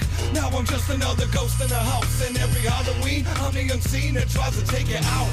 Sure, it seems a little crazy, but this is my day. And all your little boys and girls are gonna pay. I gotta wait until my time comes once a year. Until then, I'm just a little boy that disappeared. Waiting for Halloween. So I can bug out, smoke out this lunatic or rip your fucking throat out. Waiting for Halloween. Because it feels like full moon illuminating in the sky. Waited for Halloween van Twisted. En eh, eh, dat is iets waar ik eh, mee bekend ben. Wachten op Halloween. Want het is het, de enige dag van het jaar waarin, waarin het normaal is om horrorfilms te kijken. En waarin Oh. niemand je uitlacht als je gesminkt over straat loopt. of verkleed over straat loopt. Wat, wat eigenlijk best wel bizar is. Want Halloween is natuurlijk gewoon een, een- echt een Amerikaanse feestdag. Iets waar Ja. we eigenlijk helemaal... ja, niets mee hebben eh, in Nederland. Ik bedoel, wij hebben natuurlijk 11 november. En ik denk dat eh, Sint Maarten toch wel het... het, het, het trick-or-treating. ja, het, trick-or-treating komt... Nou, ik wil niet zeggen komt daar weg... maar dat is misschien de enige vergelijking die daar is. En het is een beetje rond dezelfde tijd. Hè? Ik bedoel, je hebt 31 oktober Halloween... 11 november Sint Maarten. Het wordt donker, lampjes. Ja, voor Nederlanders en ik denk voor heel veel Europeanen... is Halloween gewoon eh, naar verkleedfeestjes gaan. Ja. Verkleed de discotheek in en eh, lekker op foute liedjes dansen en, en that's it. Je kijkt heel erg eh, kritisch op die interpretatie van het feest. Misschien interessant voor de luisteraar. We zitten hier dus nu in het donker met een paar kaarsjes en een biertje. En eh, we hebben er wel echt even voor gezorgd dat we een, een beetje een sfeertje hebben gecreëerd. Let's get it on. Oh, wacht. dat- oh, Oh, verkeerde, ander sfeertje. Sorry. Wat vind jij van, van Halloween en horror? La- laten we beginnen met Halloween. Nou, Halloween, ik vind het vet, maar ik, heb, ik ben nooit, eh, nog, niet, eh, nog niet 5% zo vet als jij het vindt. Ik heb ehm, de pech gehad dat eh, het jaar dat ik in Amerika woonde, ehm, toen Halloween kwam, toen zat ik in New York. En ik, oké, ik dacht, nu ga ik het meemaken. Nu ga ik Halloween Ja. in Amerika meemaken. En wat gebeurde die dag? Was, ik weet niet of je dat nog weet, maar er was een, een aanslag in New York. Op de plek waar de. Halloween parade zou zijn. Ja, En vervolgens eh, werd het geadviseerd om, omdat het niet duidelijk was of het eh, een incident was of dat er meerdere aanslagen die Ja. dag zouden komen, eh, werd het geadviseerd om ja, maar binnen te blijven. Dus ik heb toen ehm, in plaats van naar een Halloween feestje gaan, ja, ben ik, ben ik nergens heen geweest omdat het beetje te dicht bij real Halloween-achtig Ja. kwam, zeg maar. en, en, en het was de dag zelf, toch? Dat is de dag zelf, ja. Ehm, als wat zou je verkleed eh, gegaan zijn? Ja, ik had... eh, Wat voor outfit had je liggen? ik, ik wil bijna zeggen een wife-beater. En voordat mensen nu raar kijken... Ik bedoel niet dat Steven als wife-beater zou gaan... maar ik bedoel een, witte, een wit hemd... wat ook wel een wife-beater genoemd wordt. Ja, ja, ja. Ik dacht een, eh, een wit hemd en dan je haren blonderen... en dan eh als M&M. Ik had... Heb ik je dit verteld? Nee. Wat? Was je het echt van plan? Ja, niet het blonderen, maar ik had basically uh, Be Rabbit uit 8 Mile als outfit. Nee. Oké, that's, okay, that's funny. Dit wist ik niet. Oh, ik dacht dat je dit nog wist of zo. Nee, nee, nee man, nee man. Ah, En ja, wat, eh, maar dat ging dus niet door, helaas. Nee. En, en, en wat heb jij met horror, horrorfilms? Ja, dus helemaal niks. Nee, hè? Eigenlijk helemaal niks. Niet met horrorfilms.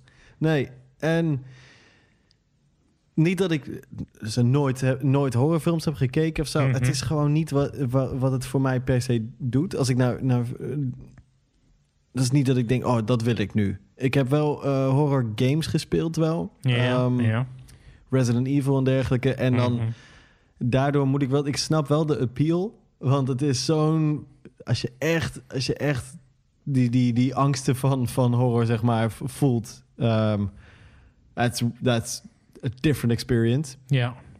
Maar nee, ik, ik, eh, ja, jij bent echt into horror movies. En, en Mhm. ik ben...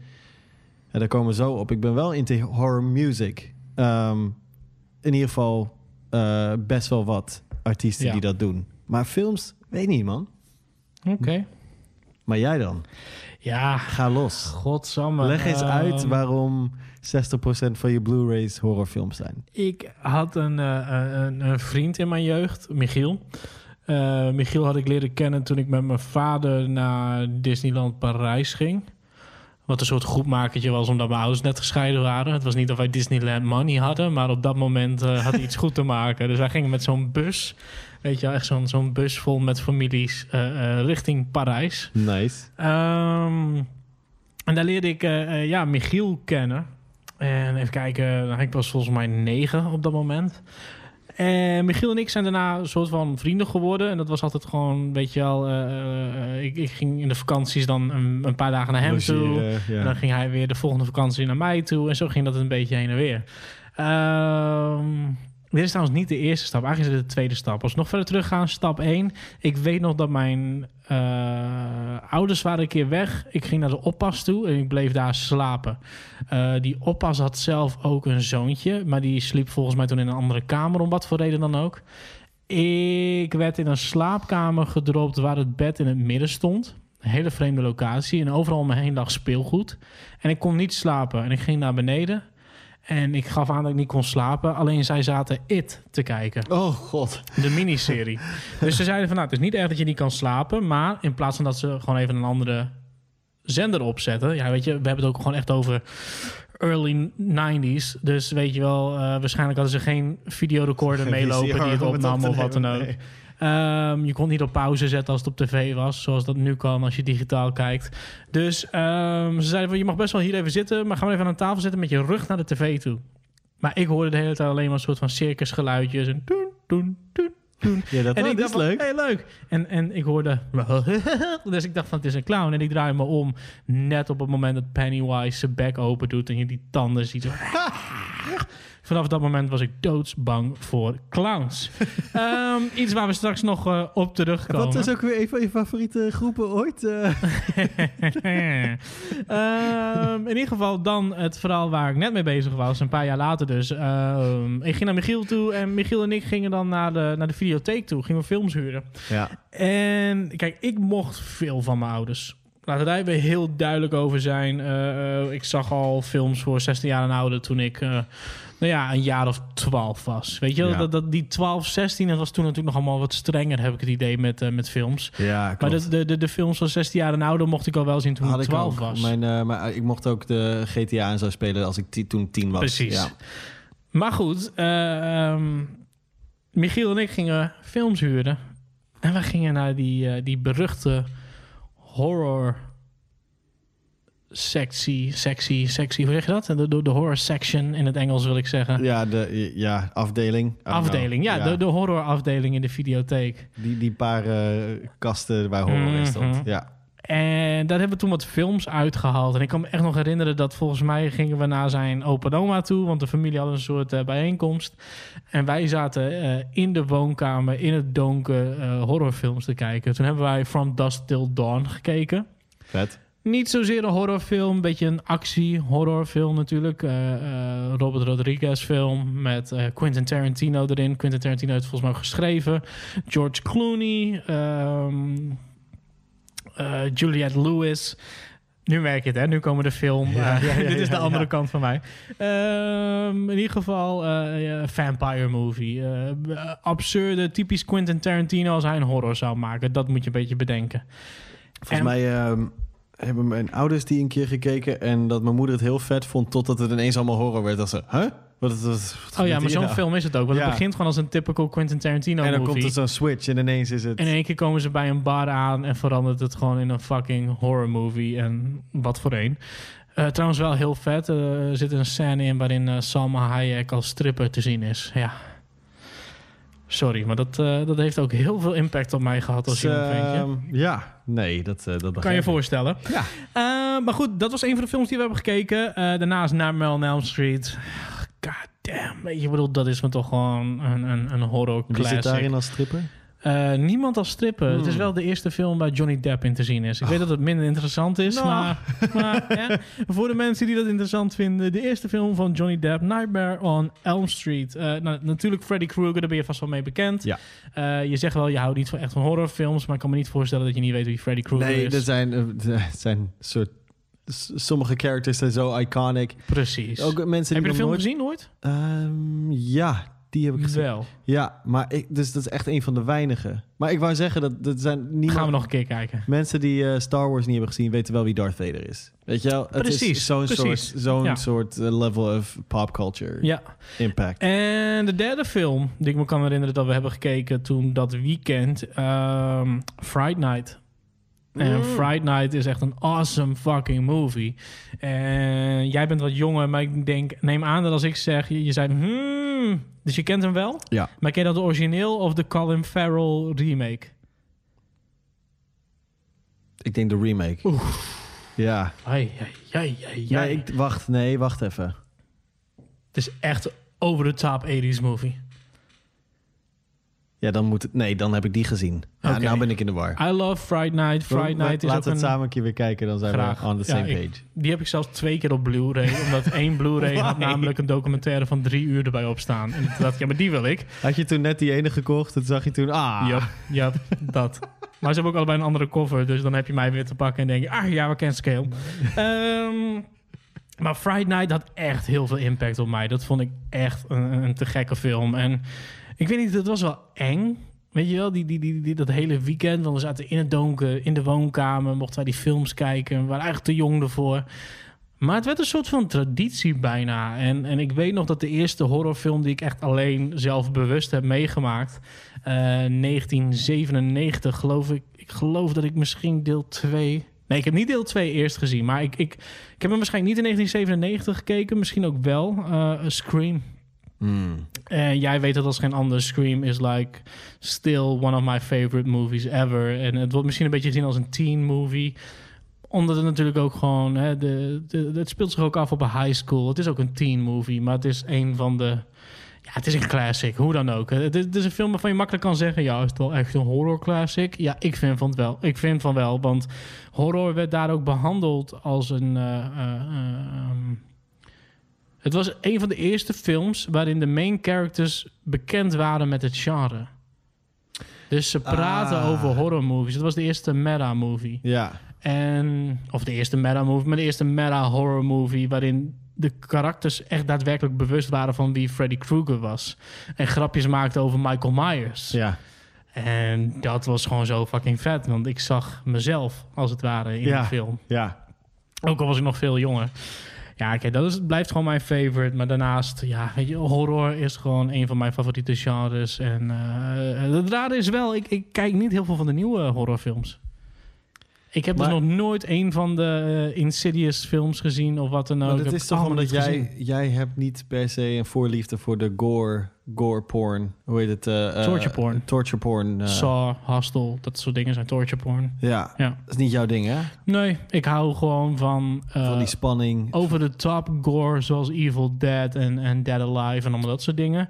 Of gewoon slasher movies. Slasher, man. Fucking Freddy Krueger, Michael Myers, Jason, Ja. eh, Ghostface Killer. Al die shit, dat zijn voor mij de... de, de, de, de Waar zie, jij, eh, waar, waar zie je dan... ehm, want dat, dat heb ik wel compleet gekeken. Dingen als series als Buffy en Angel en zo. Waar zie je Ja, dat? Buffy vond ik toen leuk, maar ehm, ja, ik- Het is niet dat horror, want het is vooral comedy. ben je Maar bekend met de film? de Buffy original. De original Ja, ja, Buffy the Vampire Slayer, which was a fucking awesome movie.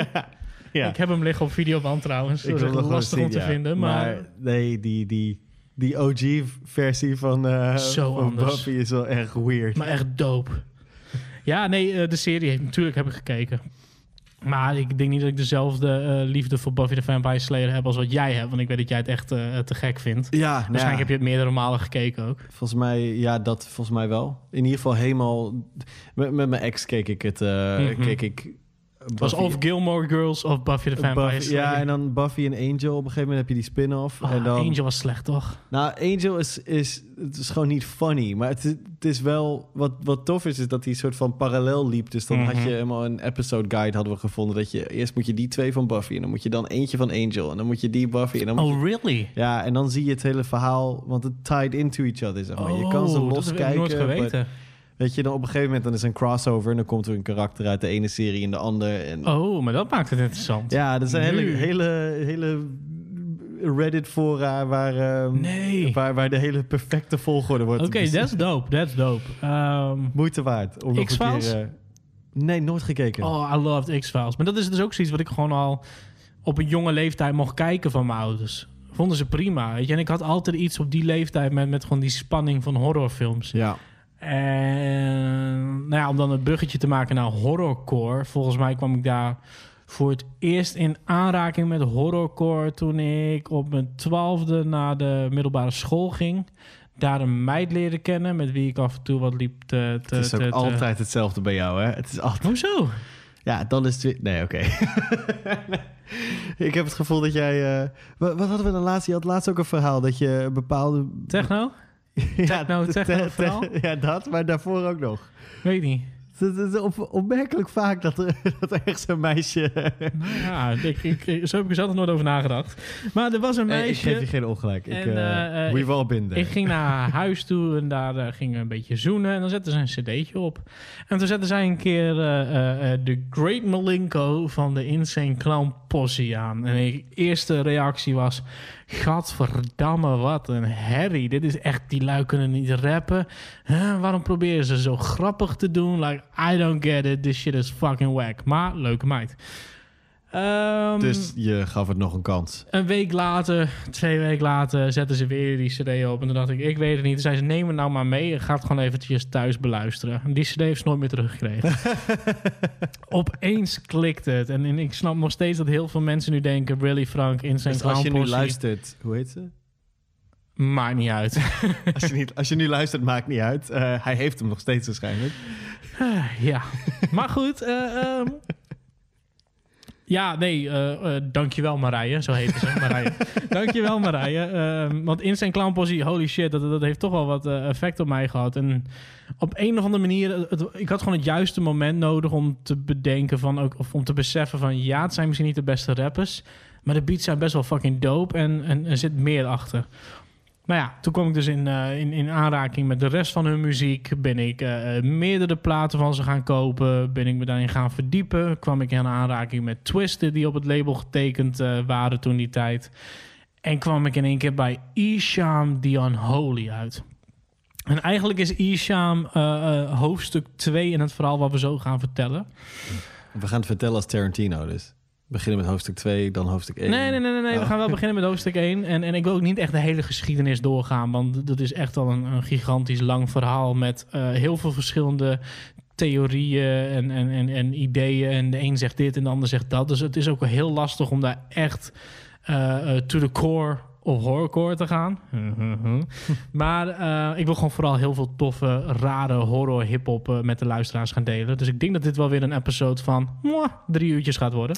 Ja, we zitten al op een uur en een kwartier nu. Dus, Nou, ik denk dat we het wel binnen twee uur gaan houden. Maar in ieder geval, eh, ik kwam dus in aanraking met Isham. En, en ik ging verder en verder en verder. En uiteindelijk, en dat is denk ik iets waar we straks op uitkomen... kwam ik er ook achter dat er best wel veel populaire artiesten zijn... die ook hier en daar wat geflirt hebben met het genre horrorcore. En als je teruggaat naar het begin van horrorcore, zijn er meerdere eh, eh, eh, theorieën, meerdere verhalen. Hè, ik zei het net al. Zo is er gezegd dat, en dat zegt Wikipedia trouwens, dat weet ik zelf helemaal geen moer van. Jimmy Spicer in 1980, het nummer Adventures of Super Rhyme, dat dat misschien wel de eerste horrorcore track was. Maar voor de meeste mensen is er, is er, is er, is er eigenlijk maar één nummer wat ervoor heeft gezorgd dat dit genre is, is ontstaan. En dat zijn de Ghetto Boys met Assassins.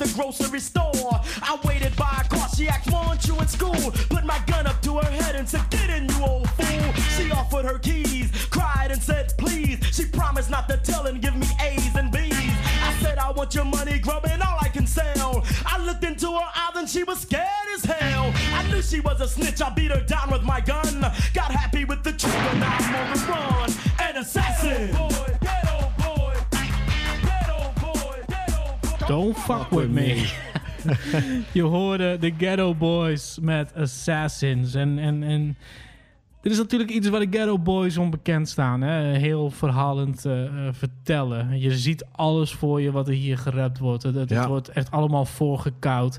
Eh, je, je, je, je, je, je ruikt bijna de setting die geschetst wordt. Ja. Je, je ziet het voor je als een film. Kan het voor je geprojecteerd worden als je je ogen dicht doet. En ik denk dat daar ook wel een, eh, een belangrijke basis ligt voor horrorcore. Het zijn eh, voornamelijk gewoon verhalen met een randje. Ik bedoel, wie zegt dat de Ghetto Boys niet gewoon puur eh, reality rap aan het spitten waren? Ik bedoel, het zijn gewoon verhalen, maar Ja. wat maakt het meer horror dan gangster shit? Dat, dat is... Ja, ik, zit, ik, ik realiseer me nu je dit vertelt... dat de reden dat ik dit genre vet vind... Mhm. is dat ik verhalende hiphop vet vind. Precies. En dat is iets En- waar we ook straks echt zeker op terug gaan En komen. dat is iets maar- wat je ook veel, eh, wat je natuurlijk veel in West Coast hip hop zag, altijd. eh, van Easy E en ehm, eh, Rolling Down the Street en My Six Foe. Weet Ja. je, die, dat stap voor stap verhalen echt... De, de hele verse een verhaal vertelt. Mijn favoriete naast track, New York State of Mind... heeft hele stukken waarin het echt Mhm. gewoon... 99 Problems van, van Jay-Z... eh, dat zijn allemaal nummers die, waar echt verhalen in worden verteld. Ja. En sommige van die verhalen zijn gewoon gritty as fuck. Mhm. En eh, zijn ze dan heel erg naar de serial killer eh slasher-achtige kant getrokken? Nee, of zijn ze gewoon gritty? Dat, dat ligt eraan soms de wel, soms realiteit niet. is vaak enger dan een horrorfilm. En dat is denk ik wat, is wat het- binnen horrorcore een heel belangrijk ding is. Ja.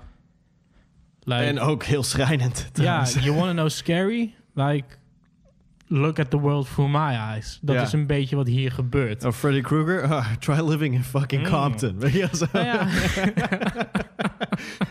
Eh, maar Ghetto Boys Assassins, eh, het nummer is ooit door de Insane Clown Posse gecoverd op eh, The Fifth Joker's Card Amazing Jackal Brothers. Iets meer gitaar en alles erin. En eh, eigenlijk gewoon precies hetzelfde. Eh, eh, wicked clowns, wicked clowns, dan en wicked clowns, wicked clowns. Don't fuck with me. me. Het is echt gewoon precies hetzelfde. Iets meer gitaar en alles. En de Insane Clown Posse heeft meerdere malen met de Ghetto Boys mogen werken. Vet. Dus eh, voor al die mensen die denken dat Insane Clown Posse niet real is, ze waren in ieder geval real genoeg voor Scarface, Willie D en Bushwick fucking Bill. Ehm, Dan heb je toch 2,5, eh drie rappers die... die co-signed, toch? oh my fucking god, ik wist het. Oké. Throwback. F- fucking throwback indeed, man. Ehm, dat is in ieder geval eh, eh, Ghetto Boys, eh, wat daar gebeurde, 1988. Crazy. Ehm, in 1989 gebeurde er iets. ehm, ik weet niet wat het is, maar, maar, maar, maar, maar de, de, locatie hebben we het even over. Deze locatie is denk ik heel belangrijk in het verhaal, omdat we op meerdere punten op deze eh, locatie uit gaan komen. Ik heb het namelijk over Detroit. Ik net zeggen, Motown. Motown. Motown Michigan. Ehm, in 1989, en ik wil eigenlijk een ander nummer van deze man gaan draaien, maar laten we gewoon even een nummer uit 1989 pakken. Even kijken, ik weet niet eens of dat überhaupt wel op Spotify staat. Dit zijn van die momenten dat ik denk, had ik mijn laptop nou maar mee. Daar is die, 1989, Boomin' Words from Hell. Een, eh, een album dat Isham uitbracht. Mm. Isham the Unholy. Iemand die eigenlijk zelf afstand heeft genomen van eh, de term horrorcore. Hij zegt altijd dat hij acid rap maakt. En daarmee bedoelde hij eigenlijk dat het... ehm, eh, het was wat meer een fantasy world om... eh, wat, wat laten we zeggen... ehm, ehm, Niet te verwarren met eh Chance the Rapper plaat natuurlijk. Dat is even heel wat anders. Wat bedoel je? Ja, die heet Acid Rap. Oh, zo, ja, nee. Ehm, hoe, hoe zeg je dat? Eh, synonymous in het Nederlands. Synoniem. Wel. Ja. Ja, oké. de wereld die hij creëert staat synoniem voor Detroit. De Ja. grittiness van Detroit. Ja. Dus hij vond het wat meer een soort van escapism erin. En daarom noemde hij het acid rap. Maar Detroit was zeker de kern daarvan. En, Mm. en was in dat geval misschien zelfs hel. Ehm, ik, ik wil sowieso wat meer Isham gaan draaien. Want Isham is echt gewoon eh, eh, eh, underrated as fuck. Maar we gaan eventjes luisteren naar een track van dat, van het eerste album. Booming Words from Hell. Hier is Some Old Wicked Shit. Hier is Isham. Some old wicked shit. For you. Some old wicked shit. For you. Some old wicked shit. For you. Some old wicked shit. Midnight's a witch's hour and you're outside. Somebody played a real life product tape and committed suicide. Trying to save the soul, it can't be done. A holy to the son of Satan, I ain't the one. Congratulations, brothers and sisters who prayed for me. Some slave for me, you still pray for me. I made a rhyme satanic, gonna make it vomit and I say I'm the shit. When it comes down to it, you knew it and know it. Satan's poet, your mind, I'll blow it. If you ever heard me rhyme for the first time, he is like a hurricane, stunning like Novocaine, simple and plain. Real life product is insane. You're fucking with the wrong one. Listen to the songs done. Fuck around and be on the wrong. You never gun, son. You listen to insanity, but that's just the man in me. I said I'm Esham, and you said how can it be? I'm a psychopathic, automatic, real life product, prostatic. Fuck it. Some old wicked shit. Some old wicked shit. Some old wicked shit. Isham the Unholy. Afkomstig van Booming Words from Hell uit 1989. Ehm Isham is niet iemand waar je, waar je vaak iets van hoort. Het is echt wel een under, under, under, underground artiest. Maar deze gast heeft wel in de loop, eh, loop van de jaren... heeft hij ongeveer iets van, nou, ik denk 30, 40 albums uitgebracht. Doet dus nooit gestopt. Eh, doet zijn eigen producties. Heeft een aantal zeer wacke platen uitgebracht. Kan maar ook niet ook anders echt als je 40 heel maakt. veel topplaten. En ehm, nou iemand die we straks gaan noemen, eh, waar we niet omheen kunnen, Eminem. Slim Shady LP. I'm a mix between Manson, Isham en Azi. Ja. En ik heb jou dat een keer moeten uitleggen. Zo van, ja, maar dat is deze dude. Dit Ja. is Isham. Dit is waar hij het over heeft.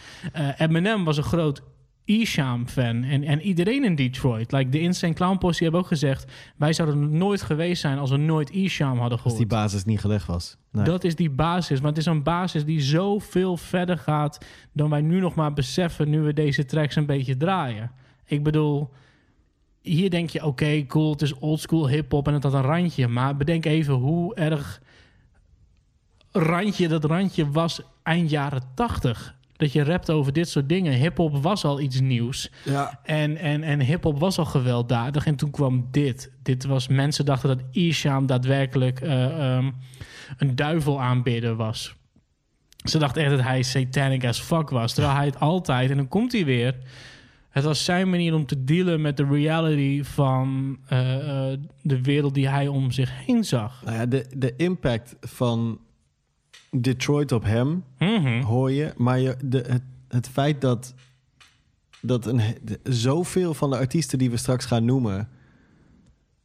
uit Detroit, uit Michigan komen... Ja. dat is natuurlijk heel erg gelinkt hieraan. Dat is een soort van... je kijkt als artiest, zeker in die periode in hiphop... kijk je heel erg naar wat er al gedaan is in jouw stad. Ja. En in New York was van alles aan de gang. In L.A. was van alles aan de gang op dat moment. Ehm, en in Detroit was het, Mhm. was dit, weet je wel? Dus dat dat, dat Ja. vervolgens dan nog tientallen jaren zijn doorwerking heeft... eh, in, in muziek van Detroit artists. Maar het is toch ook bizar dat mensen eh, eh, horror en Halloween constant vergelijken met een Marilyn Manson, een Ozzy Osbourne, een Alice Cooper. Het is altijd metal, het is altijd rock. Rock is satanistische muziek en, en weet ik veel wat. Maar ook in hip-hop is hier gewoon dus eh, eh, een plek voor. Ja. En het is creatiever dan je in eerste instantie zou denken. En dat is echt waarom ik al een tijdje uitkeek naar, naar deze episode. Omdat jij weet het als geen ander. Ik heb echt een voorliefde voor horrorcore. En dat zullen we straks ook wel ontdekken. Niet alles is kwalitatief gezien heel goed. Maar de impact die het genre stiekem heeft gehad... op zoveel verschillende artiesten... Ja. It's fucking big. It's insane. En dat, dat gaan we zo ook echt wel horen. Want we gaan het helemaal doortrekken naar 2020. En we hebben best wel een paar artiesten die, eh, eh, hè, waar menig mensen naar luisteren... en misschien nooit van door hebben gehad dat het eh, uit, de uit de horrorcore komt. Maar we gaan ook artiesten noemen waarvan je denkt... hè, is dat horrorcore? Of hè, heeft hij ooit een horrorcore track gemaakt? Ja. Veel van die artiesten hebben meer dan hun, hun teentjes gedipt in de horrorcore scene. Ja, Maar goed, we zijn nog een beetje aan het begin. En ik, ik wil eigenlijk al wel... Ik, ik probeer het zoveel mogelijk hè, in, in een tijdlijn te gooien. Mogen ook wel wat uitstapjes maken in die tijdlijn, denk ik. Nou, ik hou me er nu redelijk aan. Want eh, zelfs toen die tijd was er een, eh, een duo... dat al een beetje liep te spelen met het, eh, met het horrorcore genre... zonder dat ze door hadden. Ik heb het natuurlijk over de enige echte... DJ Jesse Jeff en The Fresh Prince. Oh yeah. Hier is A Nightmare on My Street.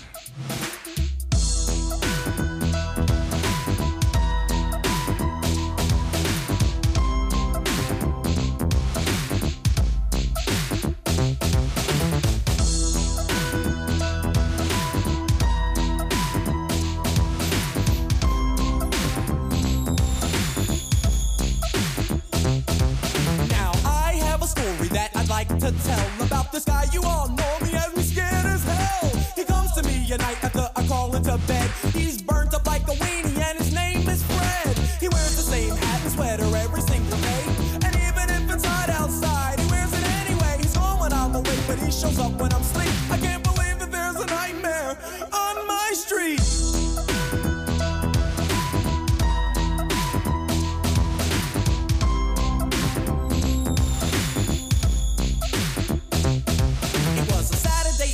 if I remember it right. And we had just gotten back off tour last night. So the gang and I thought that it would be groovy if we summon up the posse and dumb rush the movies. I got Angie, Jeff got Tina, Ready Rock got some girl I've never seen in my life. That was alright. En als je weten hoe dit, eh, hoe dit verhaal eindigt, ga hem zeker checken. Ik bedoel, dit is een soort van, ik ga niet eens zeggen guilty pleasure. Komt I in de fucking toch? love this record. Ja, Komt- dat sowieso. Sowieso. Eh, ehm, DJ Jesse Jeff and the Fresh Prince. He's the DJ, I'm the rapper. Like, that's one of my favorite records ever, man. Die, die, plaat staat vol met zoveel fucking classic shit. En, en voor al die mensen die niet weten dat Will Smith echt een dope MC was... en alleen maar denken aan... eh Getting jiggy with it, la la la la la la. Nee man, weet je wel, hij, hij heeft echt classics uitgebracht. Sowieso, check Big Willie style, maar... Check ook gewoon die oldschool shit met Jazzy Jeff. Ehm, het, het, eh, even terug naar het genre en, en het thema van deze episode. Dit is dus de opener van het album. Ja. Dus het album kwam uit in 1988. eh, hetzelfde jaar eh, ongeveer als... eh, nee, Isham was 1989. Moet je nagaan. Dus, misschien was eigenlijk het is Will eigenlijk nog- Smith de founder of, of Horrorcore. Horrorcore. Het, eh, het mooie hieraan is, maar ook het rare, dit is dus de opener van het album. En, en, en daarna komt direct Here We Go Again. Wat echt gewoon een soort van totally fucking different is. Want het is echt de meest funky shit ever. Party funky shit. Maar ik wil, geen, ik wil eigenlijk wil ik geen spoilers erop, want ik ben anti-spoilers. Maar ik moet het toch zeggen, DJ Jesse Jeff wordt aan het einde vermoord door Freddy Krueger. En dan zegt hij dus ook... I am your DJ now. Weet je, dat is echt gewoon amazing. Aan het einde heb je echt een hele scène. Hoe is dat- die dat- vermoord? Is die dat- uit de deur gegooid of zo? Uit... Oh my god. nee, je hoort echt Fresh Prince schreeuwen dat Jesse Jeff wakker moet worden. Want Freddy Krueger kills people in their dreams natuurlijk. En hij zegt je moet wakker worden, je moet wakker worden. In één keer hoor je dus Freddy Krueger lachen. Ha ha ha, I'm your DJ now. En dan, het rare is, daarna gaat het album verder. Dus eigenlijk Is, is, is he's Freddy. Krueger de DJ. He's the rapper, I'm the DJ. Dit is gewoon een, een album Eigenlijk is het Freddy Krueger is de DJ, I'm the rapper. Ja, nee, want als het op, op een track staat, dan is het waar. Het is net het internet. Juist. Toen was er nog geen internet. Toen was het... Als het op een plaat staat, is het waar. Maar goed, was je bekend met dit nummer? Ja. Wel. Oké, nou ja, wat, wat vind je ervan? I love this shit. Maar I, I love Will Smith. En I love Fresh Prince en en, eh, eh, Jazzy Jeff. Mhm. I love it. We hebben nu natuurlijk een aantal tracks geluisterd. Hè? We begonnen met Twisted, uh, Waited Till Halloween, omdat Ja. het een Halloween-episode is. We hebben geluisterd naar The Ghetto Boys met Assassins. Isham, some old wicked shit. De enige die misschien niet in het rijtje valt. En dus A Nightmare on My Street. Ehm, drie van de vier zijn hier echt verhalende tracks. Ja. Er wordt een verhaal eh, verteld. Iets wat... ehm, is dat binnen hip-hop iets unieks, denk je? Ik bedoel, er zijn ontzettend goede storytellers, maar ik denk dat Braggon en Booster heeft soort van het storytelling gedeelte uit de hip-hop gehaald. De- Toen eind jaren 80 was het natuurlijk ook wel een beetje de norm om verhalen te vertellen. I don't know. I don't know. Het is, het heeft... Het is gewoon een kant van hip-hop, denk ik. Weet je, eh, vanaf... Weet je, de message was al, was al verhalen vertellen. Precies. Ehm, weet je, eh, Regulate, Warren G. ehm, Ja, veel later, maar ik verhalen vertellen. Ja, ik, denk, ik pak gewoon wat, wat Mhm. dingen. Ehm, ja, dat zit in elke era van hip-hop. Heb je die verhalenvertellers Ja. gehad? En, en, en je hebt in elke era van hip-hop heb je de brag and boast. En je hebt de conscious stuff. En vaak binnen één artiest, weet je, die dat allemaal Ja, doen. Ik heb er nooit over nagedacht. Dat eind jaren 80 was natuurlijk wel, of in ieder geval het begin van hip-hop, was natuurlijk wel heel erg. Toen draaide het nog echt om de Nou, stories. Dus wel- misschien is, had horrorcore in geen één andere era geboren kunnen worden dan de 80s. Ik denk dat je, dat je daar wel gelijk in hebt. Ehm, het is ook de tijd dat hip-hop vanuit New York wegging naar, eh, naar de West Coast en naar Ja. andere delen, ook naar het Ja. zuiden en zo. En komen we zo trouwens nog. eh, ja, ja, zeker. En in het, eh, in het boek Decoded van Jay-Z kan ik me herinneren dat hij beschrijft dat hip-hop naar de West Coast ging. Mhm. En dat typisch, zei hij, voor de West Coast, voor LA, werd het veel filmischer, veel verhalender nog. Ja. Want het is- ja, het is Hollywood. Dus, dus het werd een veel filmischere approach. En dat zag je in inderdaad wat ik eerder noemde, Easy-E, NWA-achtige dingen. En, Ja. en ik denk dat toen zulke soort dingen veel meer in hip-hop begonnen te komen. En zeker Ja. ook die gangster rap eh, stories. Dat mensen dat het een hele kleine stap was om dat naar ja, naar bijna een soort van... Ja, nou, niet bijna een soort van naar, naar horror stories te gaan. Want ja, Ja. zo verschil, zoveel verschilde dat niet van, van gangster rap. Nee, en het was natuurlijk ook gewoon een soort eh, combinatie van hè, drugs en het geweld wat deze mensen om zich heen eh, eh, Zagen. zagen. Dat wat plaatsvond. En dat natuurlijk op een andere manier vertaald naar de, naar, naar, naar de muziek toe. Ja. Ehm, vanaf hier eh, eh, stopt eigenlijk een beetje de tijdlijn voor deze episode. Omdat nu komen we in de jaren 90 aan. En je hebt het geluid nu een beetje gehoord van het begin. We zitten nog echt in die beginjaren van de hip-hop.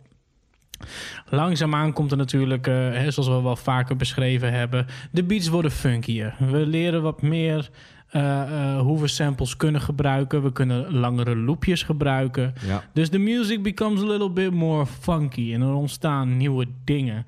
Eh, ik denk dat we gaan eerst nog eventjes teruggaan naar, eh, naar Isham. Eh, we gaan luisteren naar het nummer Morty's Team, afkomstig van de soundtrack van de horrorfilm The Fear. En hier hoor je ook een beetje de groei van het horrorcore genre. Eh, als ik iets van Isham draai, dan, dan kan ik het niet laten om... eh, dit is eigenlijk een beetje de track die ik altijd voor iemand draai als ze nog nooit van Isham hebben gehoord of nog nooit van horrorcore hebben gehoord. Van oké, jij hebt een bepaald beeld nu voor je. Je hebt een bepaald geluid in gedachten. Let me change your mind. Let me change your mind. Hier is The Fear, oftewel Morty's Team. Isham, the Unholy.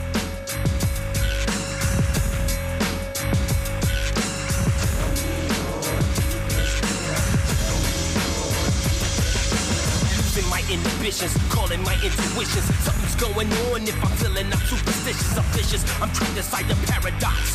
When my thoughts get twisted like some dreadlocks. I never uh, ever wondered about the voodoo. I sing the voodoo, and now my deepest fears is coming true. I never loved you, but I hate you, Al. How could I love you, Al? Because I hate you now. So wonder, I take you under with the wickedness, and with the wickedness, I'll make a preacher slit his fucking wrist. No coming near me when I'm thinking this, cause when I'm thinking this, I'm thinking suicidal this. Uh, so back up off me, bust a brain cell. I bust a brain cell. I fall asleep and dream about hell. Some wonder why I'm even calling y'all. The sky is falling, y'all. But after all, my deepest fear.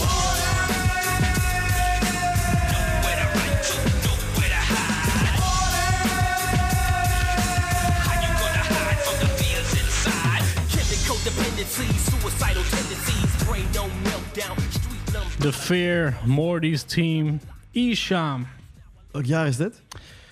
Oeh, zeg zien? eerst maar eventjes wat jij wil zeggen. Dan ga ik dat even opzoeken. Want ik zou willen zeggen 1992. Ik weet alleen wel, trouwens, wat ik wel direct wil zeggen. The Fear was een ontzettend slechte horrorfilm.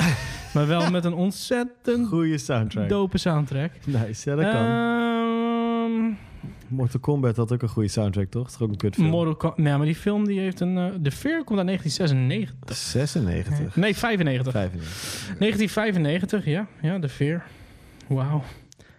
Ehm, ja, zoals ik al zei, we maken best wel eventjes een, eh, een, een, een jump in time. Omdat op dit moment eh, is er veel gaande. En, en jij noemde net al eventjes de Dirty South, LA.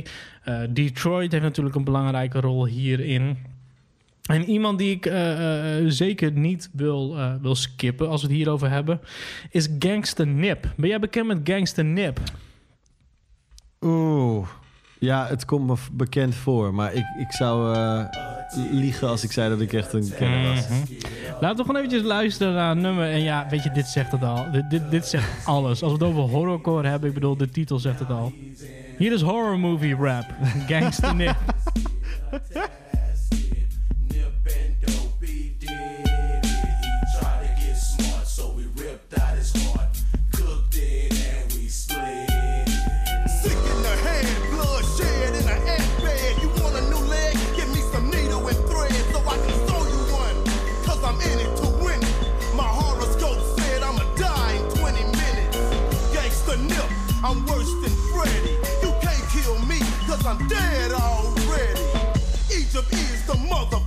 shrink. After 12 o'clock, my blood turns hot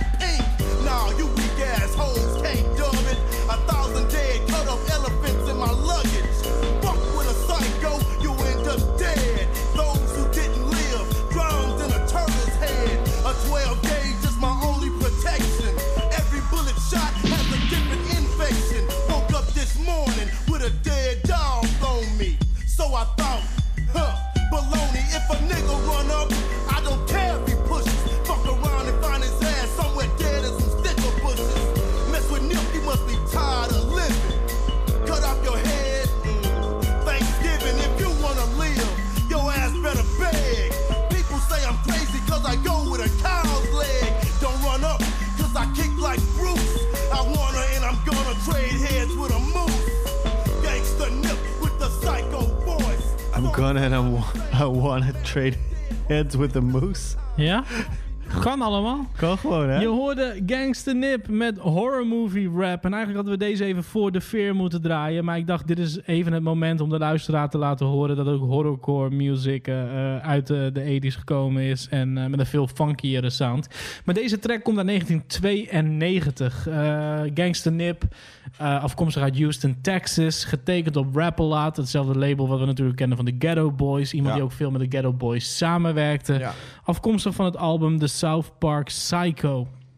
En ik denk dat dit wederom een perfect voorbeeld is van... eh, hij zegt op een gegeven moment ook... You cannot kill me because I'm already dead.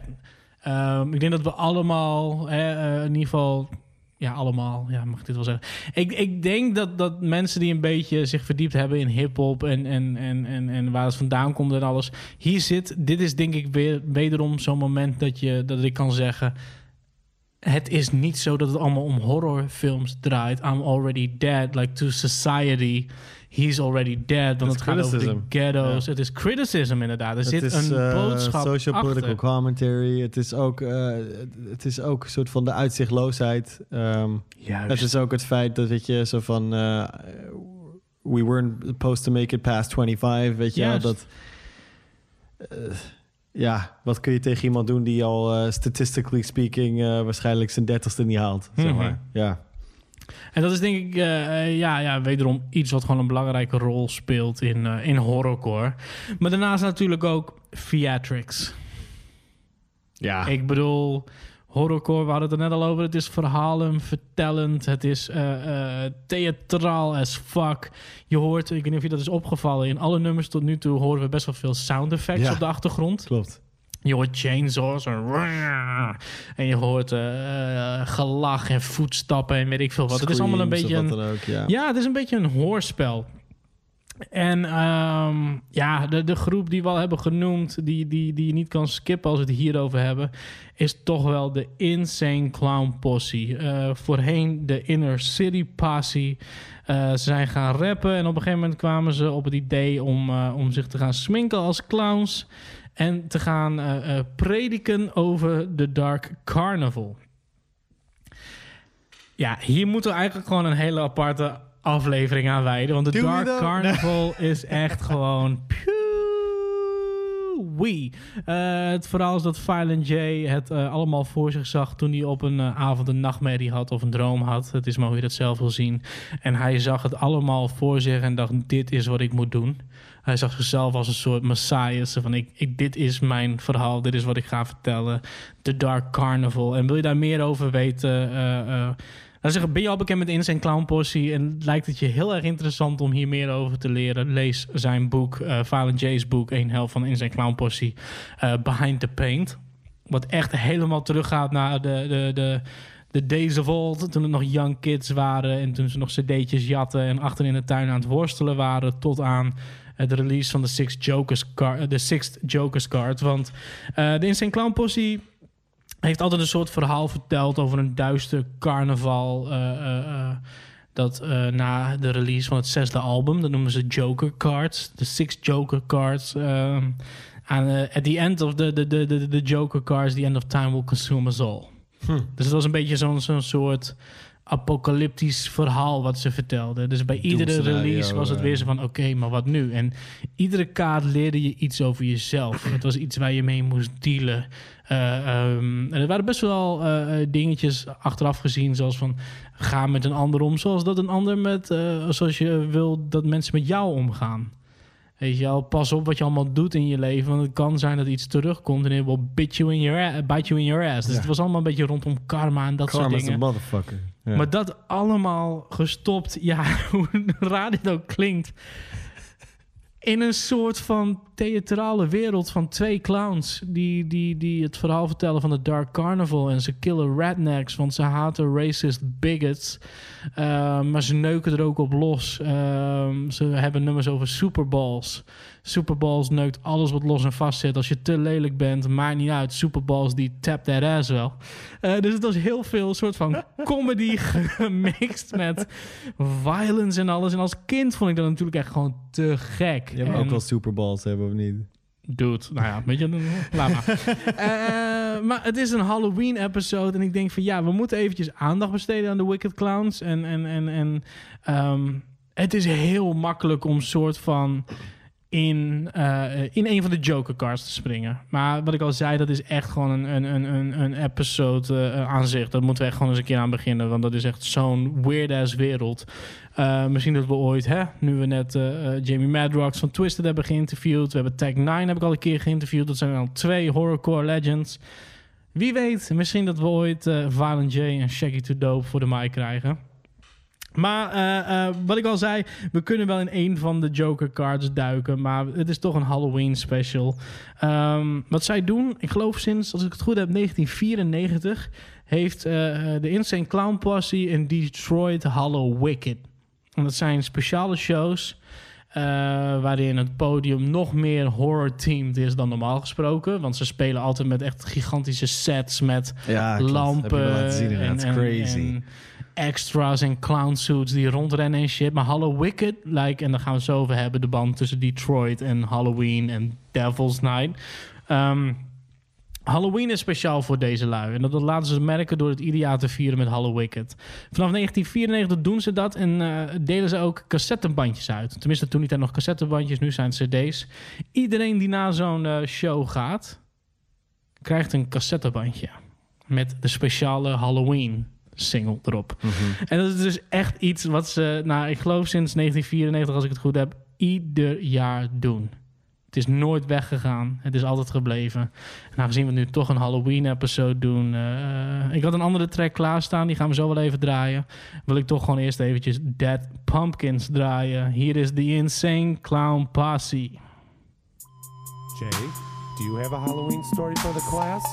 Yeah, yeah. Um, there was this boy, and he lived in his house, and um, and he went to bed one day, and, and then when he woke up, um, when, when he woke up, he was he was buried up to his head in the dirt, and um, he couldn't move, and this man came walking along, but instead of the man helping him out, the man just started kicking him, kicking him in his face and over, and then he got the lawnmower, and then he good treat, bon appetit.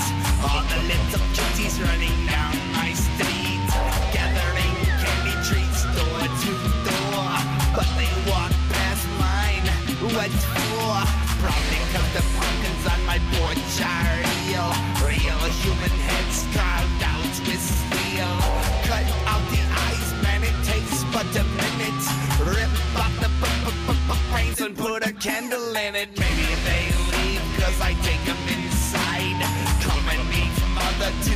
years ago she died.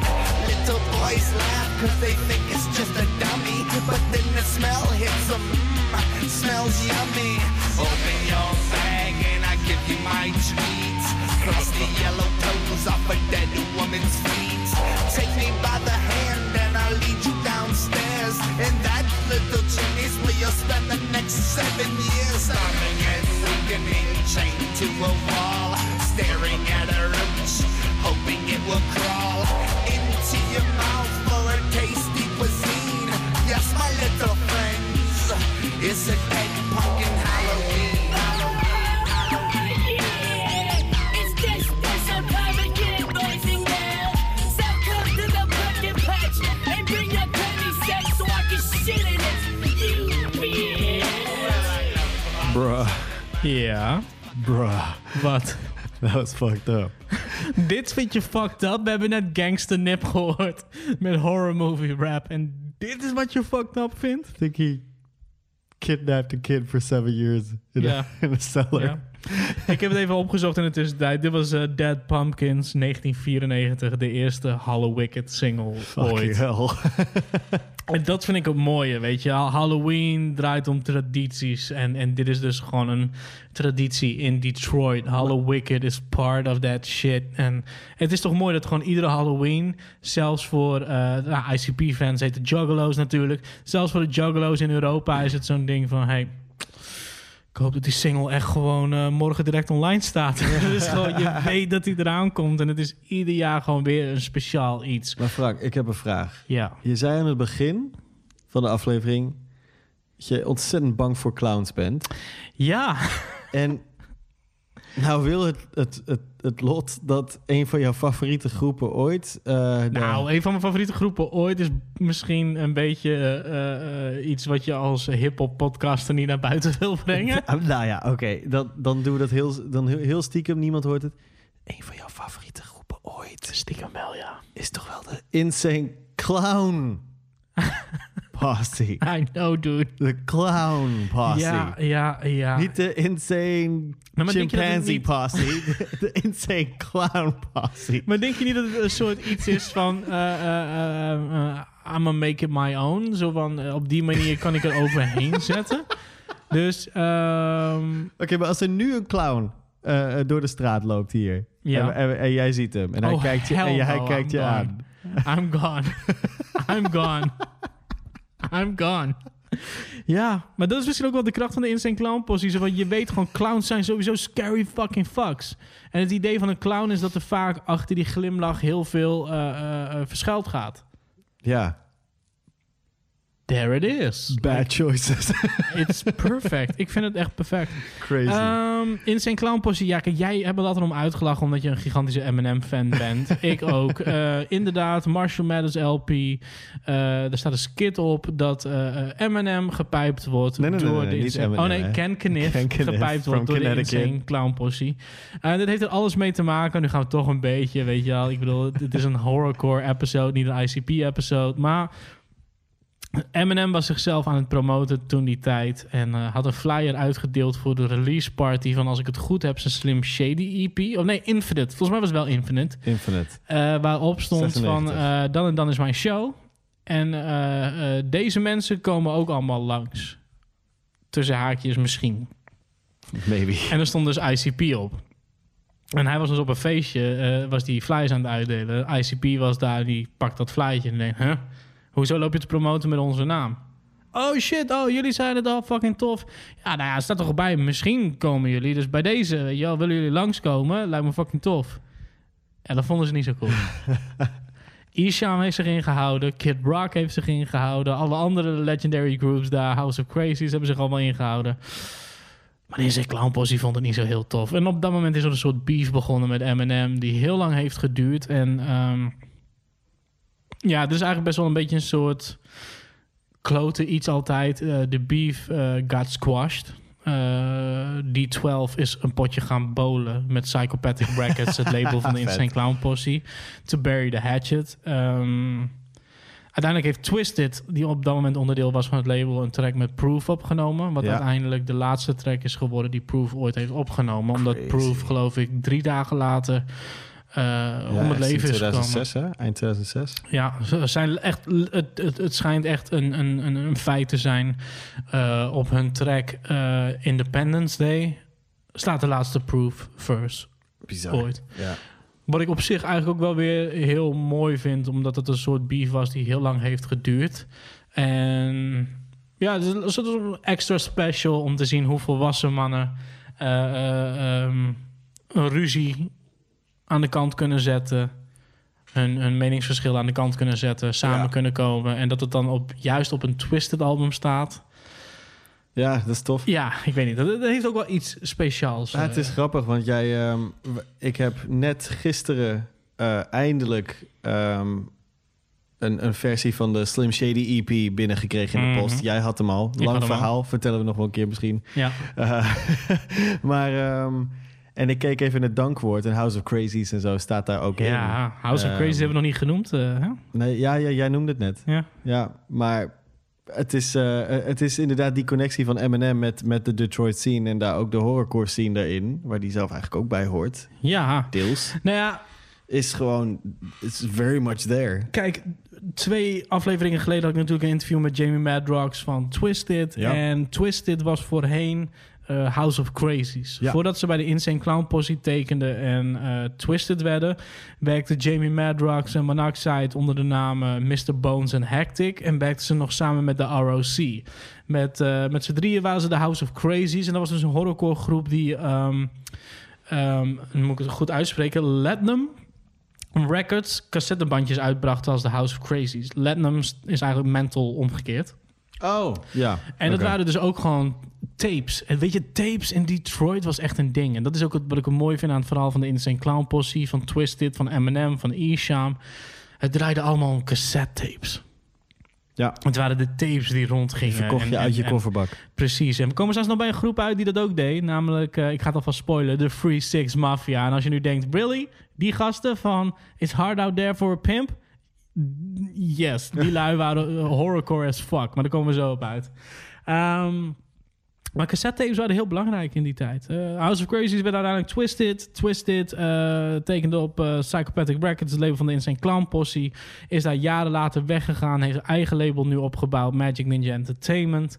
Eh, en is nog steeds eh, eh, fakkeldrager voor het genre horrorcore. En ook een, een- een Detroit staple, laten we maar zeggen. Dus Ja. echt wel een belangrijke underground label en hip-hop groep als we het over Detroit hebben. En, en, en een van die mannen, een van die jongens, Monoxide, was dus echt best wel close friends met Eminem. Ja. Zo erg dat op die Slim Shady EP die jij net noemde, de track Murder, Murder, Murder staat. Terwijl Twisted net ongeveer twee jaar daarvoor een track had. Toen ze nog net volgens mij House of Crazies waren, genaamd Murder, Murder, Murder. En Kill, het kill, verhaal is dat Monoxide die track aan Eminem had laten horen. En dat er ooit een beetje het plan was dat Eminem misschien op die track zou springen. En Eminem heeft hem... Heeft zelf een track opgenomen gedaan, Murder, Murder, Murder. En het schijnt ook dat Twisted er hard voor heeft geknopt om Eminem te laten tekenen op het label van de Insane Clown Posse. En dat was natuurlijk allemaal voordat Eminem Dr. Dre leren kennen. Hey, zo komen alle verhalen in één keer toch weer samen. Welkom bij eh, de Homebase Podcast. Mocht dit je eerste aflevering zijn, dit is hoe wij werken. Het is wel een crazy aflevering om mee te beginnen hoor. Oh. Eerst Lange Frans, Paul Elstar en nou helemaal Insane Clown Posse. Insane Clown Posse. Hey, ehm joh, dit is zo lastig, want ik heb zoveel belangrijke groepen die we nog moeten behandelen. Maar eh, je noemde net Eminem. Kijk, Slim Shady LP, ik wou daar een track van draaien. Maar het is niet zozeer horrorcore. Het heeft wel een soort horrorcore randje. Maar het is lastig om daar echt een horror track op te vinden, zonder dat we Just the Two of eh, 97 Bunny and Clyde 97 Bonnie and Clyde. Ja, draaien. ja, oorspronkelijk Just the Two of Us. Ja, het is een beetje lastig, want als we die moeten draaien, is het niet echt een horrorcore track. Dus ik dacht, weet je wat, we gaan eventjes weer in de DeLorean. We gaan eventjes eh, tijdreizen. We gaan naar, wanneer kwam Relapse uit? 2009. 2009. Hier is Eminem met Free AM. En als je denkt dat eh, Eminem niet horrorcore is, nou ja, luister dan maar goed.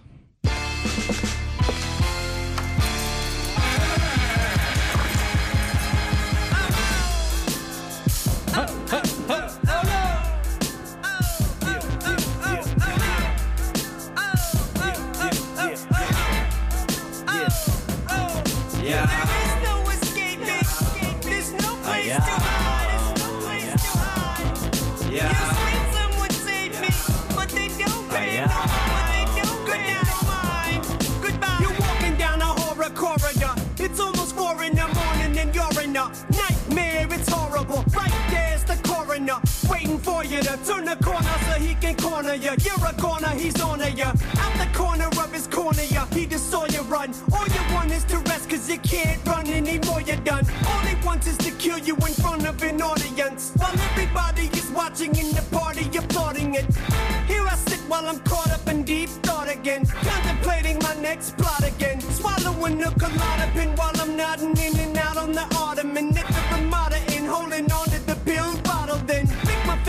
swirl it round the bottom and make sure I got all of it. Wake up naked at McDonald's with blood all over me, dead bodies behind the counter. Shit, guess I must have just blacked out again. Not again. It's 3 a.m. in the morning. Put my key in the door. Bodies laying all over the floor. And I don't remember. Eminem, Free AM, afkomstig van Relapse. Relapse. Yes. Ehm, is Eminem een soort van your gateway to horrorcore? Ja. Maar Ja, mijn gateway to hip-hop in general, maar ook to, to horrorcore. Ja. Ja, we gaan er straks achter komen dat er best wel veel, eh, veel artiesten zijn die al eh, gespeeld hebben met, eh, Met het, met het subgenre. en met het subgenre. I mean, Eminem zeker. Je noemde al Just the Two of Us of 97 Bonnie and Clyde. Natuurlijk waren die Mhm. Het lijk van zijn vrouw, eh, van, van zijn eh, babymama, eh dumpt samen met zijn dochtertje. En, Ja. oh, mommy speelt ketchup on her shirt. Nou, de Mhm. prequel daarvan kwam daarna uit, Kim. Ja. Stan is een soort van vervolg erop op natuurlijk. een ja, ja, Stan is related eraan natuurlijk. Meta. het- Eigenlijk we het net het over Scream, want... Meta-level inderdaad. Meta level, want Stan heeft het over de track 97 Bunny en Clyde. Precies. Als de track. Dus het is van, niet echt een vervolg, maar een soort inspired by. Een soort eh, ja, een zijstapje. En ehm eh, Amityville. Ja, ja. Ja, en, en, en het hele D12-album, het debuutalbum van D12. Devil's Night. Devil's Night. En, en ja, Devil's Night is de term, als ik het goed heb, die dat is puur Detroit slang natuurlijk. En dat komt, Ja. dat beschrijft de, de nacht voor Halloween, toch? En dat is het rare, want voor mij, en dat is misschien ook omdat ik dan juist eh, connected ben met zoveel eh, eh, Detroit horrorcore. Devil's Night was voor mij altijd gewoon normaal. Zo van, ja, maar je Ja. hebt toch Devil's Night, dat is de avond voor Halloween. Duh.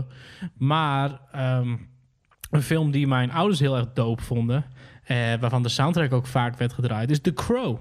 En dat is een film die ik ook op vrij jonge leeftijd heb eh, voor het eerst gekeken heb. En The Crow gaat over, eh, speelt zich af in Detroit. En daarin wordt omschreven op Devil's Night wordt de stad in de fik gezet door verschillende bendes. En dat is natuurlijk iets wat eh, eh, die 12 soort van ook eh, eh, benoemt op dat album. Op Ja. dat album zie je natuurlijk ook een pack of matches, geloof ik, als ik het goed Ja, heb. ja, klopt. Vuur heeft een, heeft een thema op dat album. Maar Devil's Night is inderdaad gewoon ja, de avond voor Halloween. Maar ga los, die 12. Ik zoek ondertussen eventjes op wat nou echt de, de echte betekenis is. Ja, weet je, het is. En dit is ook, dat, dit is ook waarop, waardoor ik verliefd ben geworden op storytelling in hip-hop. Mhm. Het is. ehm, er zijn. eh, als je bijvoorbeeld Kim luistert op een Marshall Mathers LP, dat is een. Fantastisch. We hebben het daarover gehad toen we de, de Marshall Mathers special deden een paar maanden geleden. Maar het is, het is zo goed geschreven dat je helemaal dat verhaal in wordt getrokken alsof het een film is. Ja. En je vergeet dat hij gewoon aan het rijmen is. Je, je hoort gewoon een filmscène. En dat is hetzelfde bij Stan. Dat is hetzelfde bij... ehm, sorry, 97 Bonnie and Clyde. Dat is hetzelfde Ja. bij al die tracks. En die zijn dark as hell. Het is echt heel Het is dark. wederom dus die storytelling. Ik hè? Dus luisterde, is echt ik, een, ik luisterde dus gisteren inderdaad de Slim Shady EP. En, en daar staat Just the Two of Us op. De, Ja. de, de demo-versie als ja, de van oorspronkelijke 97 versie and van Clyde. eh 97, Bonnie en Clyde. En, en je, de, het detail wat daarin zit en dus ook de sound effects weer. Dat Mhm. hij het uit de auto slepen van het... Precies. Al... Pop, die deur die dicht gaat. Ja, nou, dat is... ehm, dat is zo... En dat, dat kwam dan ook weer terug. Vond zijn weg ook weer naar Dr. Dre op eh Chronic 2001. Weet je wel? Waar ook al die sound effects en de car bomb en zo... eh, allemaal... Oh ja, Dus ja. het heeft ook, als we het hebben... Daar had je het eerder over, over de invloed van horrorcore op andere muziek. Ik denk dat er... ehm menig gangster rap fan niet door heeft dat het allemaal vanuit, vanuit horrorcore Inderdaad. komt, waar al die sound effects en dergelijke vandaan komen. Ja. Ik heb eh, ondertussen eventjes eh, Wikipedia ge- geraadpleegd. Show. Um, Devil's Night is... oh, gee, Devil's Night. Devil's Night is a name associated with October 30th, the night before Halloween. It is related to the Mischief Night, practiced in parts of the United States... States, Jesus, such as Philadelphia, but is chiefly associated with the serious vandalism and arson seen in Detroit, Michigan from the 1970s to the 1990s, finally prompting the Angels Night community response. Damn. Dus het heeft allemaal te maken met vandalisme, eh, vooral.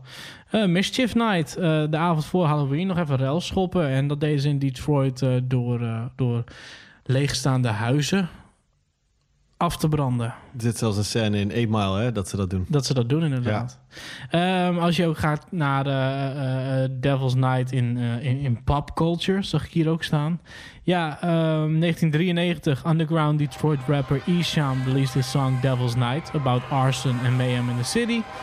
Uh, Devil's Night is an uh, integ- in, in, in- integral part of the 1994 film The Crow, wat ik al zei. En in 2001, Detroit hip-hop group D12 debut album is titled Devil's Night, which also features the song by the same title.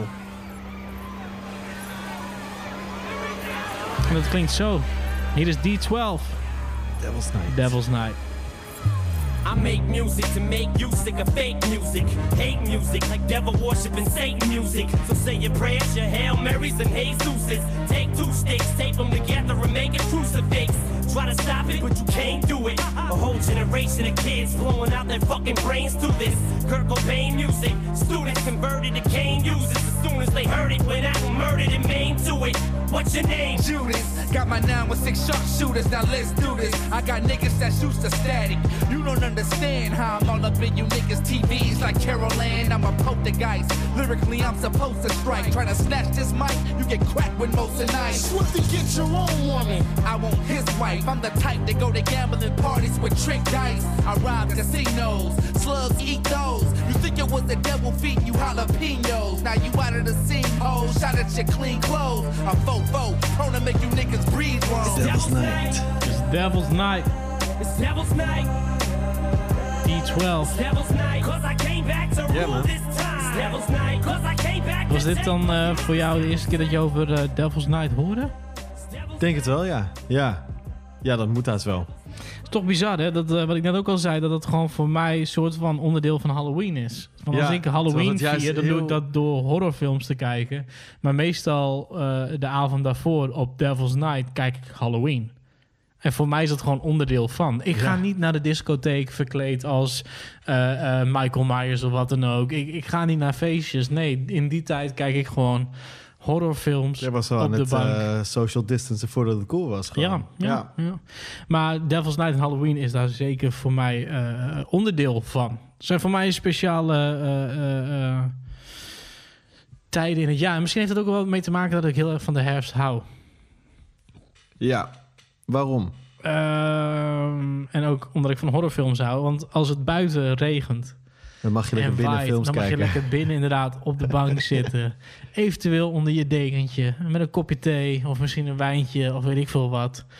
En dan gewoon films kijken en dan het liefst scary movies terwijl het buiten waait en En regent. kijk je ze alleen? Of kijk je ze met iemand het liefst? Eh, alleen. Het liefst alleen. Ik bedoel, ik vind het leuk om... eh, mijn vriendin houdt ook echt ontzettend van horrorfilms. Dus dat is wel... eh, is erg fijn. Dat was ook wel een van de dingen waar ik haar op uit heb gekozen. Dus, oh, really? You love horror movies? Well, hi, my name is Frank. Ehm, eh, nee, dat is zeker iets wat ik heel fijn vind. Maar nee, ook gewoon alleen. Ik... ehm, wat het natuurlijk hier en daar wel spannender maakt. Ik bedoel, sommige, ik, ik ben niet snel meer bang van horrorfilms. Maar ik weet nog wel de eerste keer dat ik het eerste seizoen van American Horror Story keek toen het net uit was.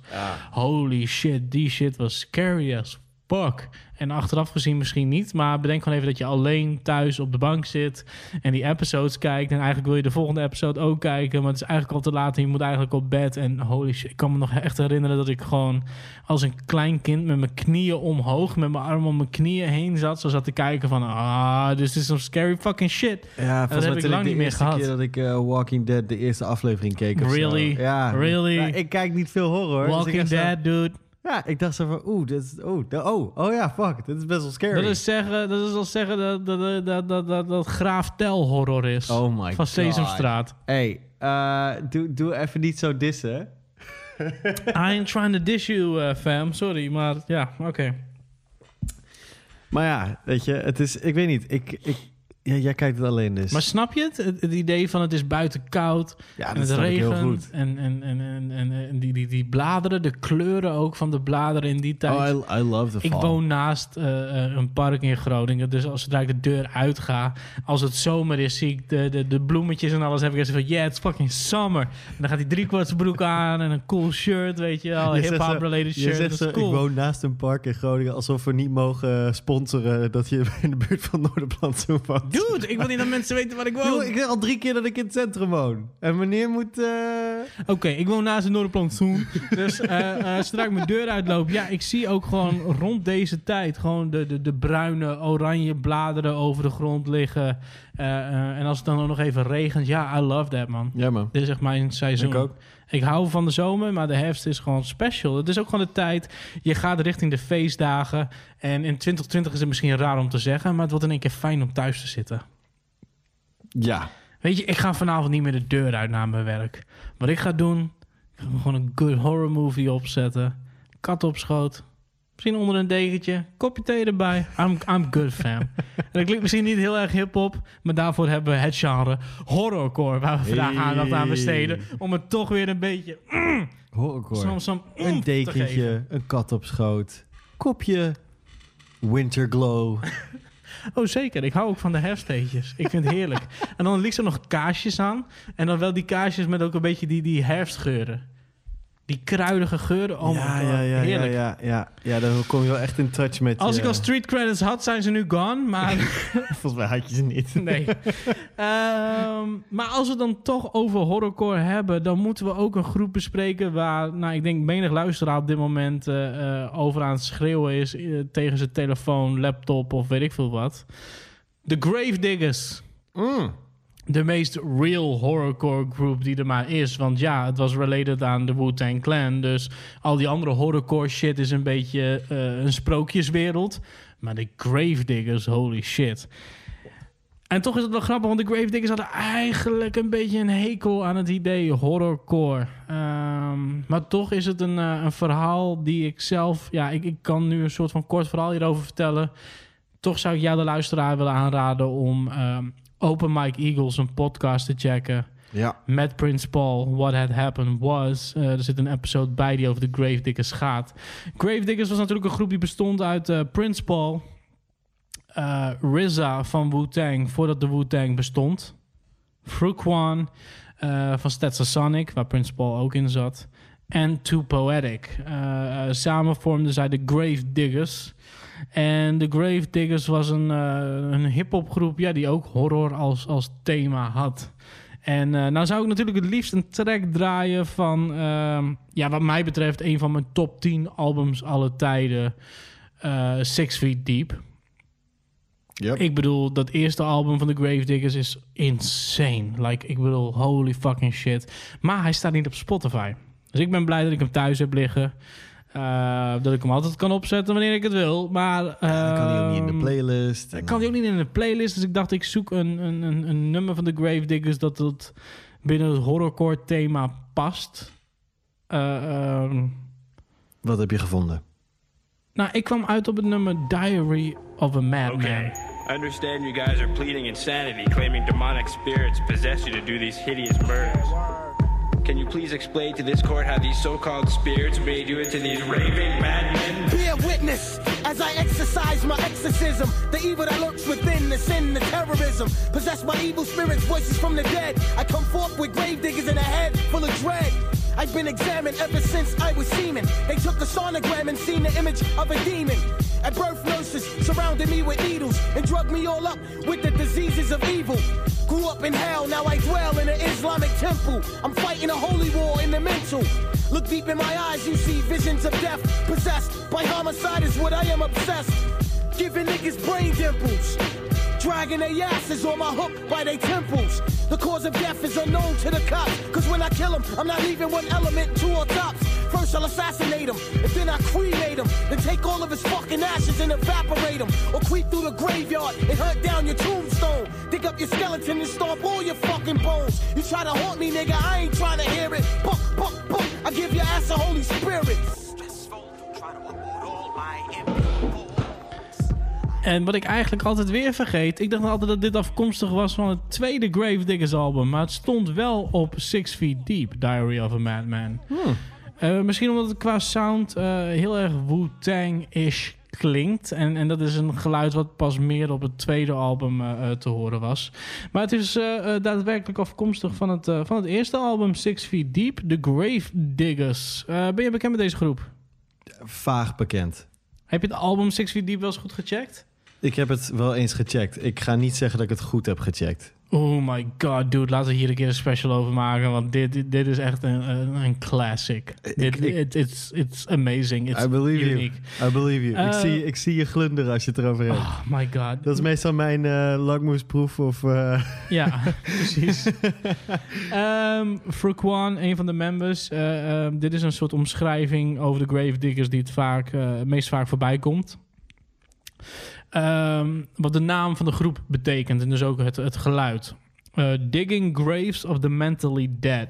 And it stood for resurrecting the mentally dead from their state of unawareness and ignorance. Hmm.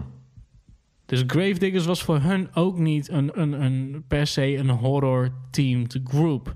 En dat is een beetje, eh, denk ik, een, een, een, een punt wat ik eventjes wil, wil aankaarten... voordat we doorgaan naar de volgende eh, stap binnen de horrorcore-genre.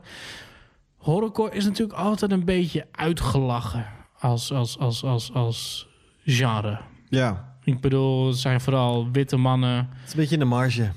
Ja, weet je wel, witte mannen die eng proberen te doen en toch wel hip-hop willen maken, maar niet genoeg meemaken om daadwerkelijk een hip-hop artiest te zijn. Dus gaan ze een soort fantasiewereld leven. Ja, we verzinnen wel, eh, ja. Precies, dat is een beetje wat het beeld ervan is. Ehm, maar wat ik, zo- zoals wat ik al eerder zei, Gravediggers eh is een, weer een voorbeeld van even laten zien hoe. hoe, hoe wat is enger dan de horrorwereld die er wordt gecreëerd is, is real life. Ja, ik bedoel, je, we hebben net Ghetto Boys ook gedraaid. Dat is hetzelfde Precies. verhaal, toch? Ja. Ehm, maar ik denk dat je dat hier ook wel weer in terugziet. Er zit een soort boodschap achter, maar zodra het woord horrorcore valt, proberen mensen er een soort van weg te rennen. En ze ja, je plaatst het in een hokje en, en het, ja. het wordt een beetje camp of zo ook meteen. Het wordt een beetje... En je merkt het hier ook, hè? Ze proberen toch wel van... Ja, maar er zit iets achter. En het zit er ook wel achter. Daar ben ik heilig van overtuigd. Maar ik vind het ook jammer. En dat is misschien waarom ik ook wel echt een, een soort van... pro-horrorcore dude ben... en waarom ik deze aflevering ook maak. Ehm, je hoeft je er niet voor te schamen of zo. Snap je wat ik bedoel? Nee, nee, maar... Het is geen vies woord, horrorcore. Nee, maar je hoeft je ook niet te schamen als je van horrorfilms houdt. Nee, nou ja, ik bedoel... Ik werd er als, eh, als kind eh, eh, gepest omdat ik horrorfilms keek. Weird. Ja, sure. Maar ik werd echt gepest erom. Gek. Maar dat makes no sense. Nee, maar dan zou ik wel een psychopaat zijn. Dat was het idee. Ah. You like horror movies, so you must be crazy. Ah, you must be crazy. Ja. Ja, nou ja. Ja. Good kind of crazy hoor. Ik wou net zeggen, uh, I'm crazy, but a good kind of crazy. Ehm, maar goed, de Gravediggers... Weet je, je kan wel zeggen dat, het niet... eh, we willen niet geassocieerd worden met horrorcore. Maar ik bedoel, je hele plaat bestaat uit horror samples en alles. Eh, het is terug te horen in de sfeer van de plaat, maar ook in de namen. Ik bedoel, Prince Paul was The Undertaker. Frequan was The Gatekeeper. Poetic was The Grim Reaper. En The RZA was The Resurrector. Ik bedoel, weet je, je- werkt wel echt in een thema. En om dan achteraf te zeggen, ja, nou, meh, we vinden het niet zo leuk dat we horrorcore genoemd worden, dan denk ik, ja, maar dat is dus meer om alles wat er om het subgenre heen is gegroeid. Ja. Omdat bij horrorcore denken de meeste mensen aan de Insane Clown Possie, zijn ze weer. En, en eh, het, het is niet zonder reden dat ik ze vaak noem, want het is gewoon wel zo. Ah, dat zijn die rare witte rednecks, terwijl ze eigenlijk een scheid hekel hebben aan rednecks, die zich sminken als clowns en die rappen over het vermoorden van mensen. Dat is een soort eerste.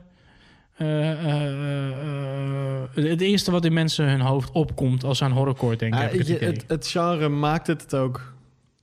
Hoe zeg ik dit? Ehm, ze maken het luisteraars die het voor het eerst tegenkomen ook wel heel makkelijk om dat te denken. Ja. Want dat is front and center wat, wat, wat je communiceert als je jezelf profileert als een horrorcore groep zoals ICP dat doet. Mhm. Right? Dat daar veel meer achter zit, daar kom je pas achter als je hele albums gaat lopen checken. En als je echt gaat Ja. luisteren. En dat, dat doen mensen vaak niet. Net als dat mensen Nee. niet doorhebben dat gangster rap heel vaak eh, politically engaged is. Het enige wat ze zien is money, bitches en guns. Weet je wel? Dus als je daardoor... Je moet de moeite nemen bij zulke genres om er doorheen te kijken. Dat hoeft bij een singer-songwriter hoef je er niet doorheen te kijken. Die hebben geen lagen. Dat is gewoon, Nee, dit is nee. het.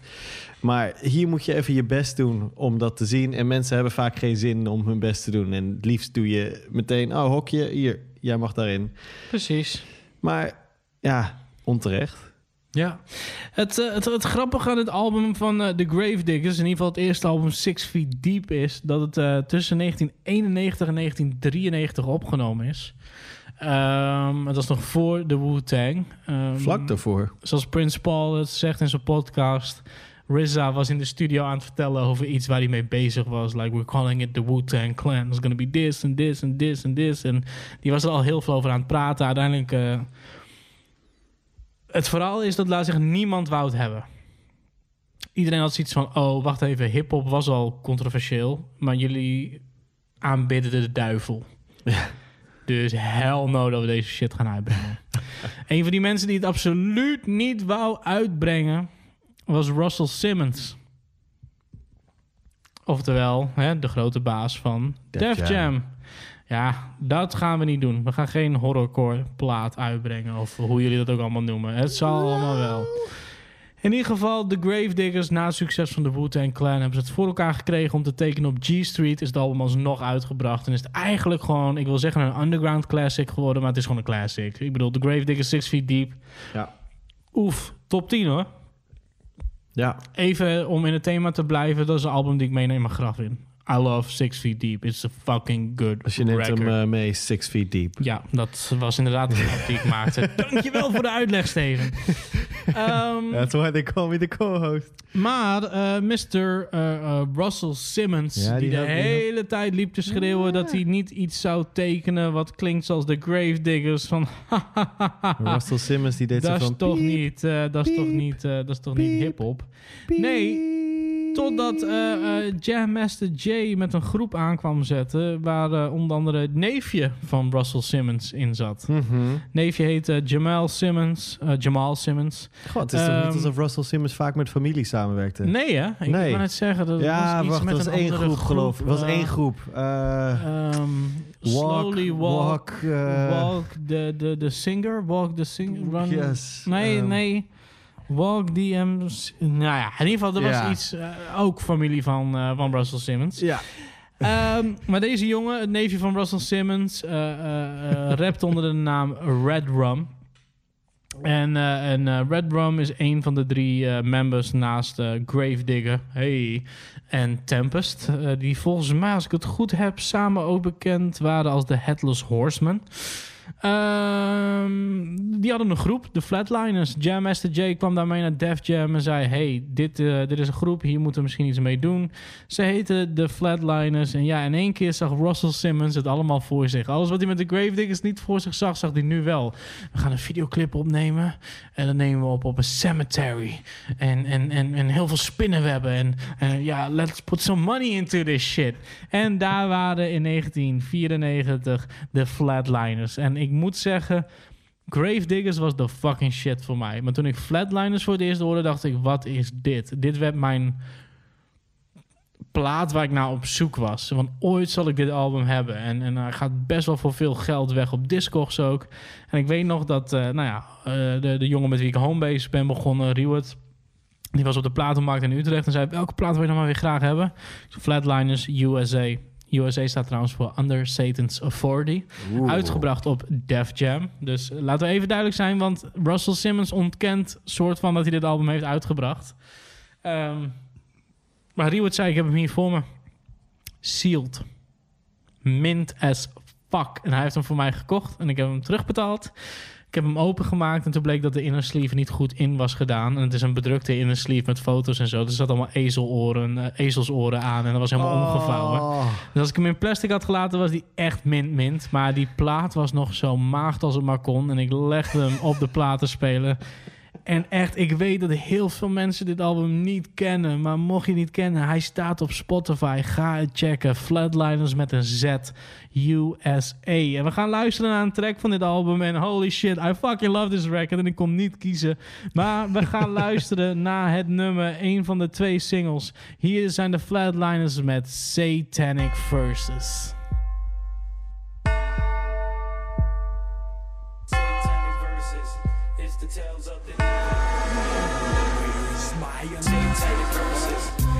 Tales of the. It's the tales of the evil.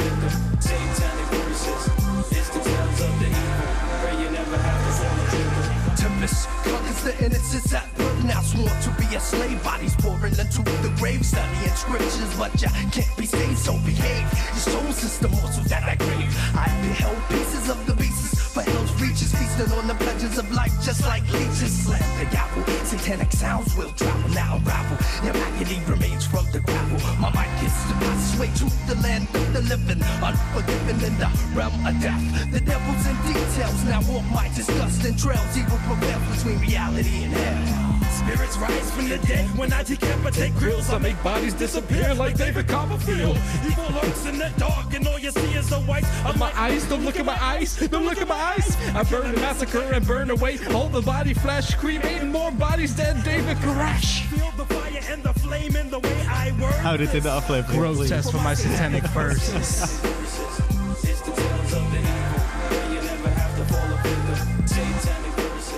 Is the tales of the evil. May you never have to fall a victim. Satanic verses.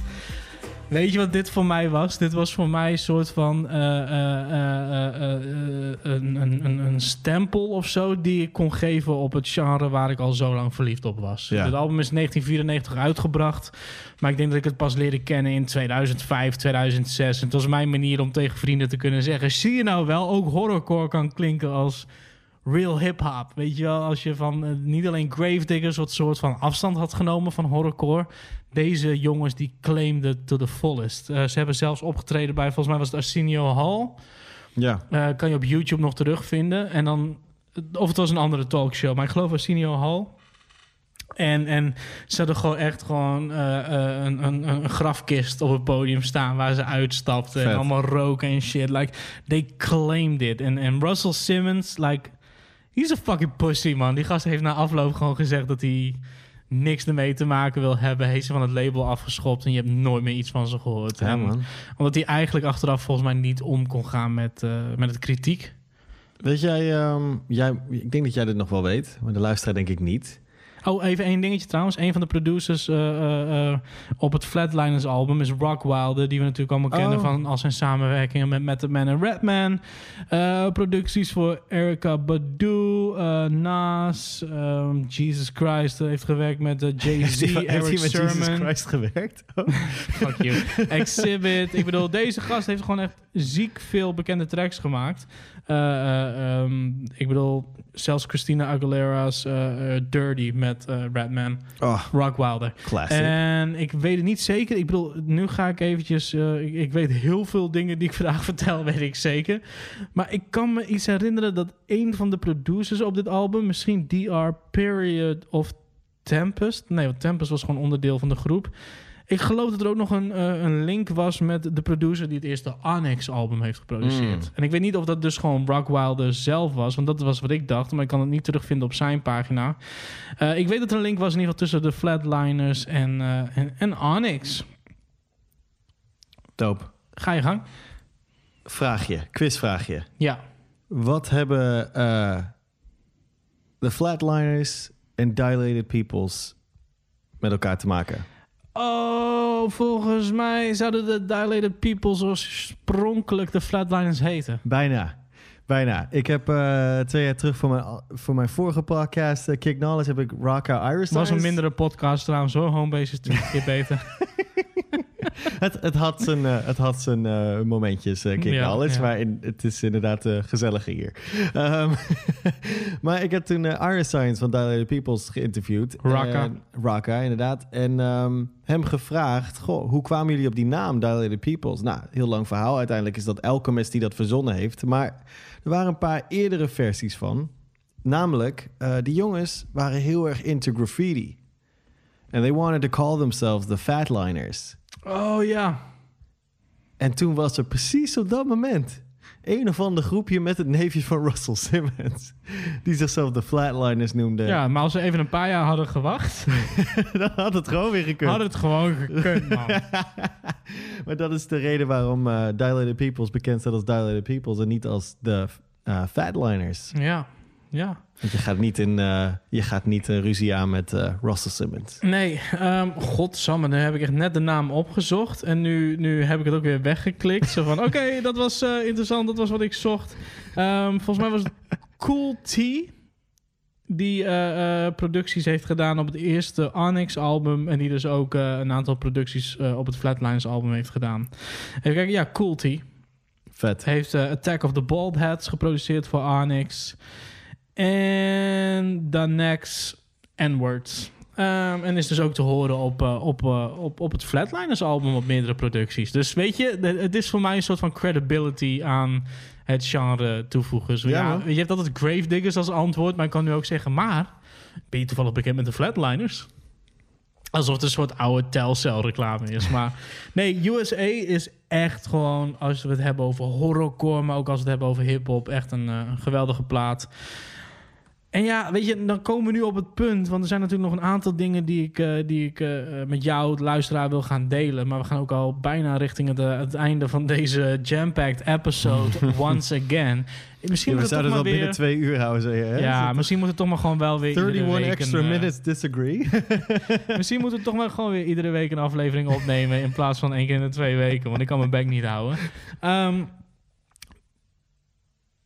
er zijn heel veel acts die ik eh, eh, eh, ehm, nog niet heb kunnen noemen. Die ik wel had willen noemen. Maar er zijn ook heel veel acts die eigenlijk wel soort van binnen horrorcore passen. Maar ook veel verder zijn gegaan.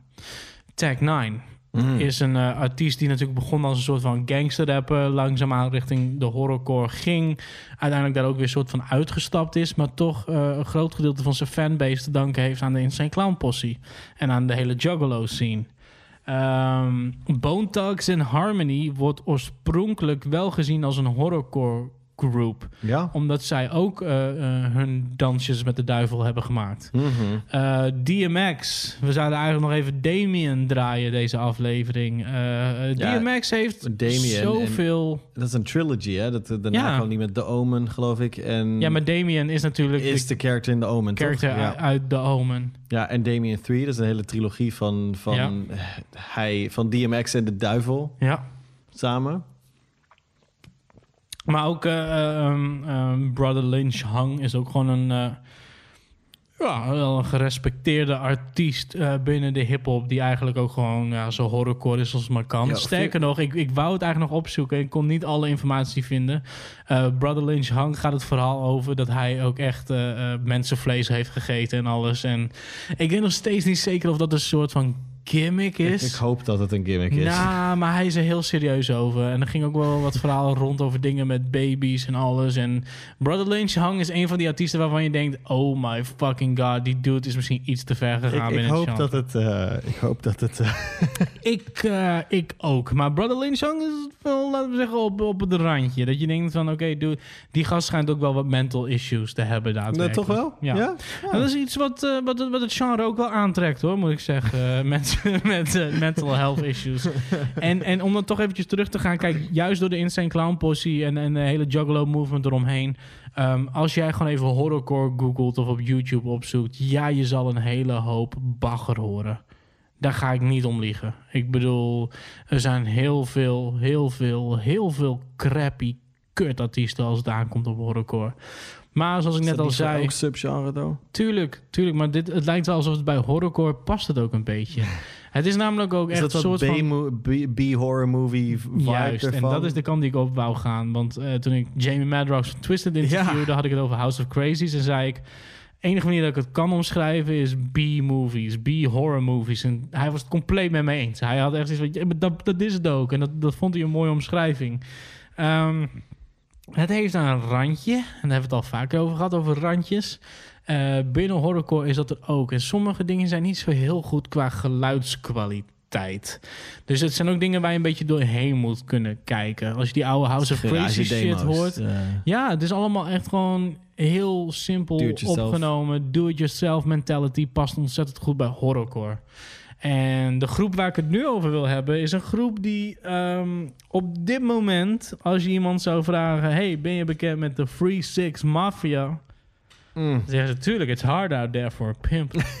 It is, man. Of eh, een van die lie. andere eh, eh, 20.000 eh, bekende tracks van, van de Free Six Mafia. DJ Paul, Juicy J, toch wel de twee Niet- bekendste Niet, niet. DJ Paul Elstak, voor de Niet DJ. Paul Elstak die weer de draaide vandaag.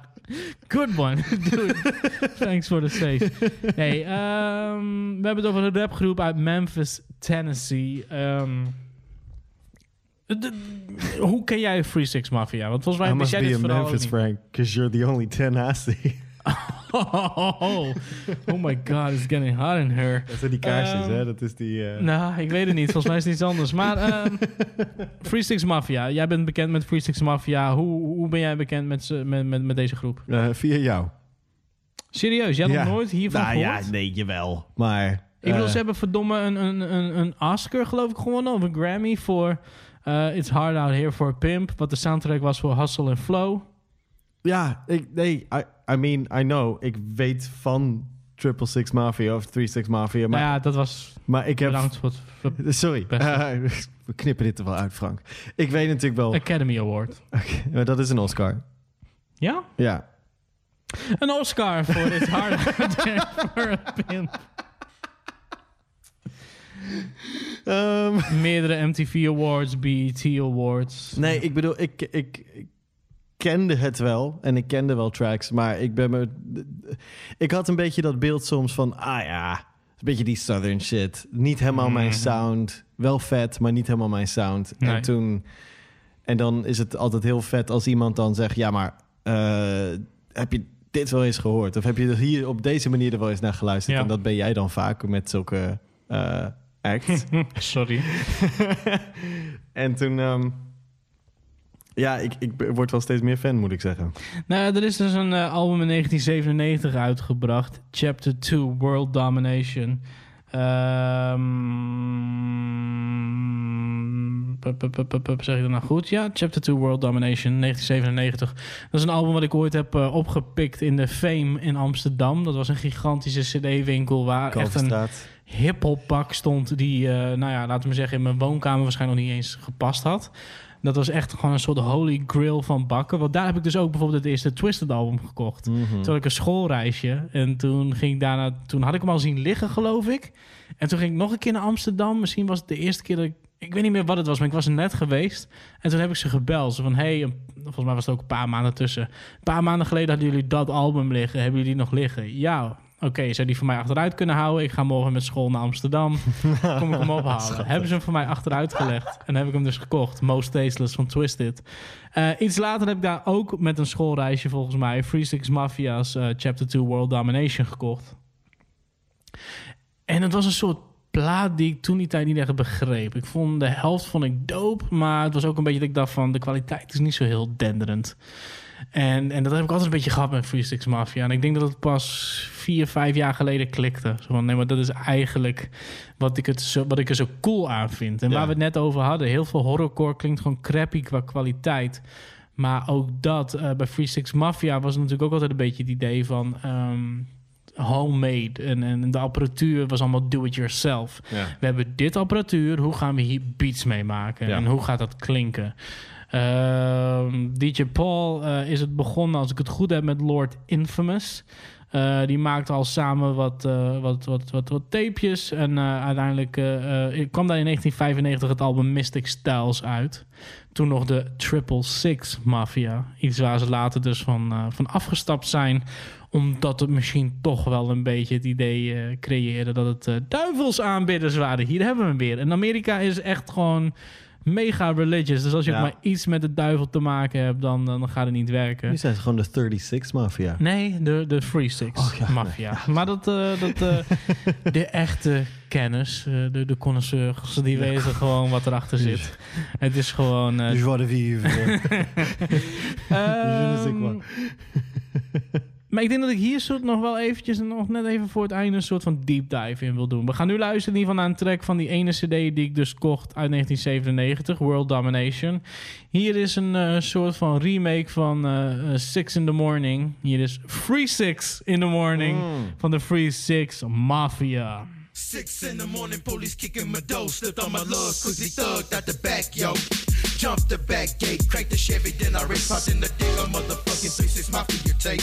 I'm crunk off the bump, pumping through my back seat, speeding, hitting weed through the heated streets of Memphis, Tennessee. Got my stacks and some bags sitting in the stash spot. Tattoos on my neck and a hot 40 Glock. They got the hurt up for the infamous nigga call me Sketcho. Used to slanging man, but I don't do that no more. I'm feeling like I'm the most wanted. Every copper's an opponent in the dash on my ass. On the cherry buff flash in the rear. Man, I gotta get the fuck out of here.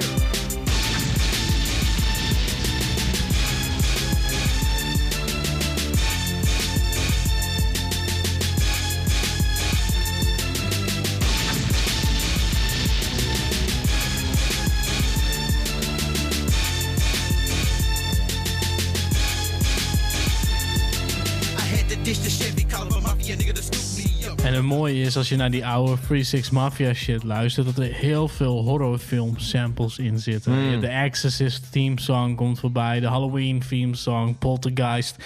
En dat is natuurlijk wel iets wat gewoon ook gewoon heel lekker matcht met een hip-hop beat, als je het mij vraagt. Ehm, maar het blijft grappig, want Free Six Mafia is toch wel een groep die we vooral kennen van dit. Yeah!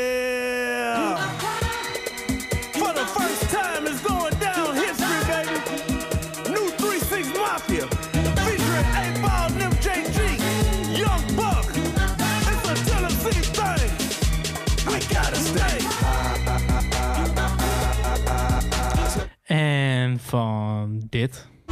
Yeah, pussy ass, cake ass, punk ass, trick ass, suck ass, fuck ass, the Come on, boot ass. KY jelly packing ass, nigga. You better get your bitch ass up off the street, nigga. You got five seconds to get your hating ass up out here, cause there's some trill ass niggas in this motherfucker. Yeah, nigga, y'all know the motherfucking scope. Y'all non-snorters, non-smokers, non-sippers. Get the fuck up out of here, bitch. Niggas some sipping ass, pouring up ass, smoking ass, getting high ass niggas in here, 3-6. UGK, nigga, we putting it down in this motherfucker. And we ain't playing with you. Y'all know the motherfucking scope, ho. Now pull it up, nigga. Sipping on some scissors. Zip, zipping on some zipping on some scissors. Zip, zipping on some Sipping on some scissor. Sip, sipping on some sip, sipping on some scissor. Ik bedoel, come on man. Wie had verwacht dat dat ooit verantwoordelijk was voor, eh, voor een album als Mystic Styles? Dat dat eerste album wat ze in 1995 uitbrachten. En ehm, meerdere mensen hebben al geschreven over de Free Six Mafia. Gepraat over de Free Six Mafia. eh, Een soort van documentaires over opgenomen. Mini-documentaires en allemaal dat soort dingen. Wat eigenlijk altijd wordt gezegd is dat de eerste drie platen hebben het meest donkere geluid. Ja.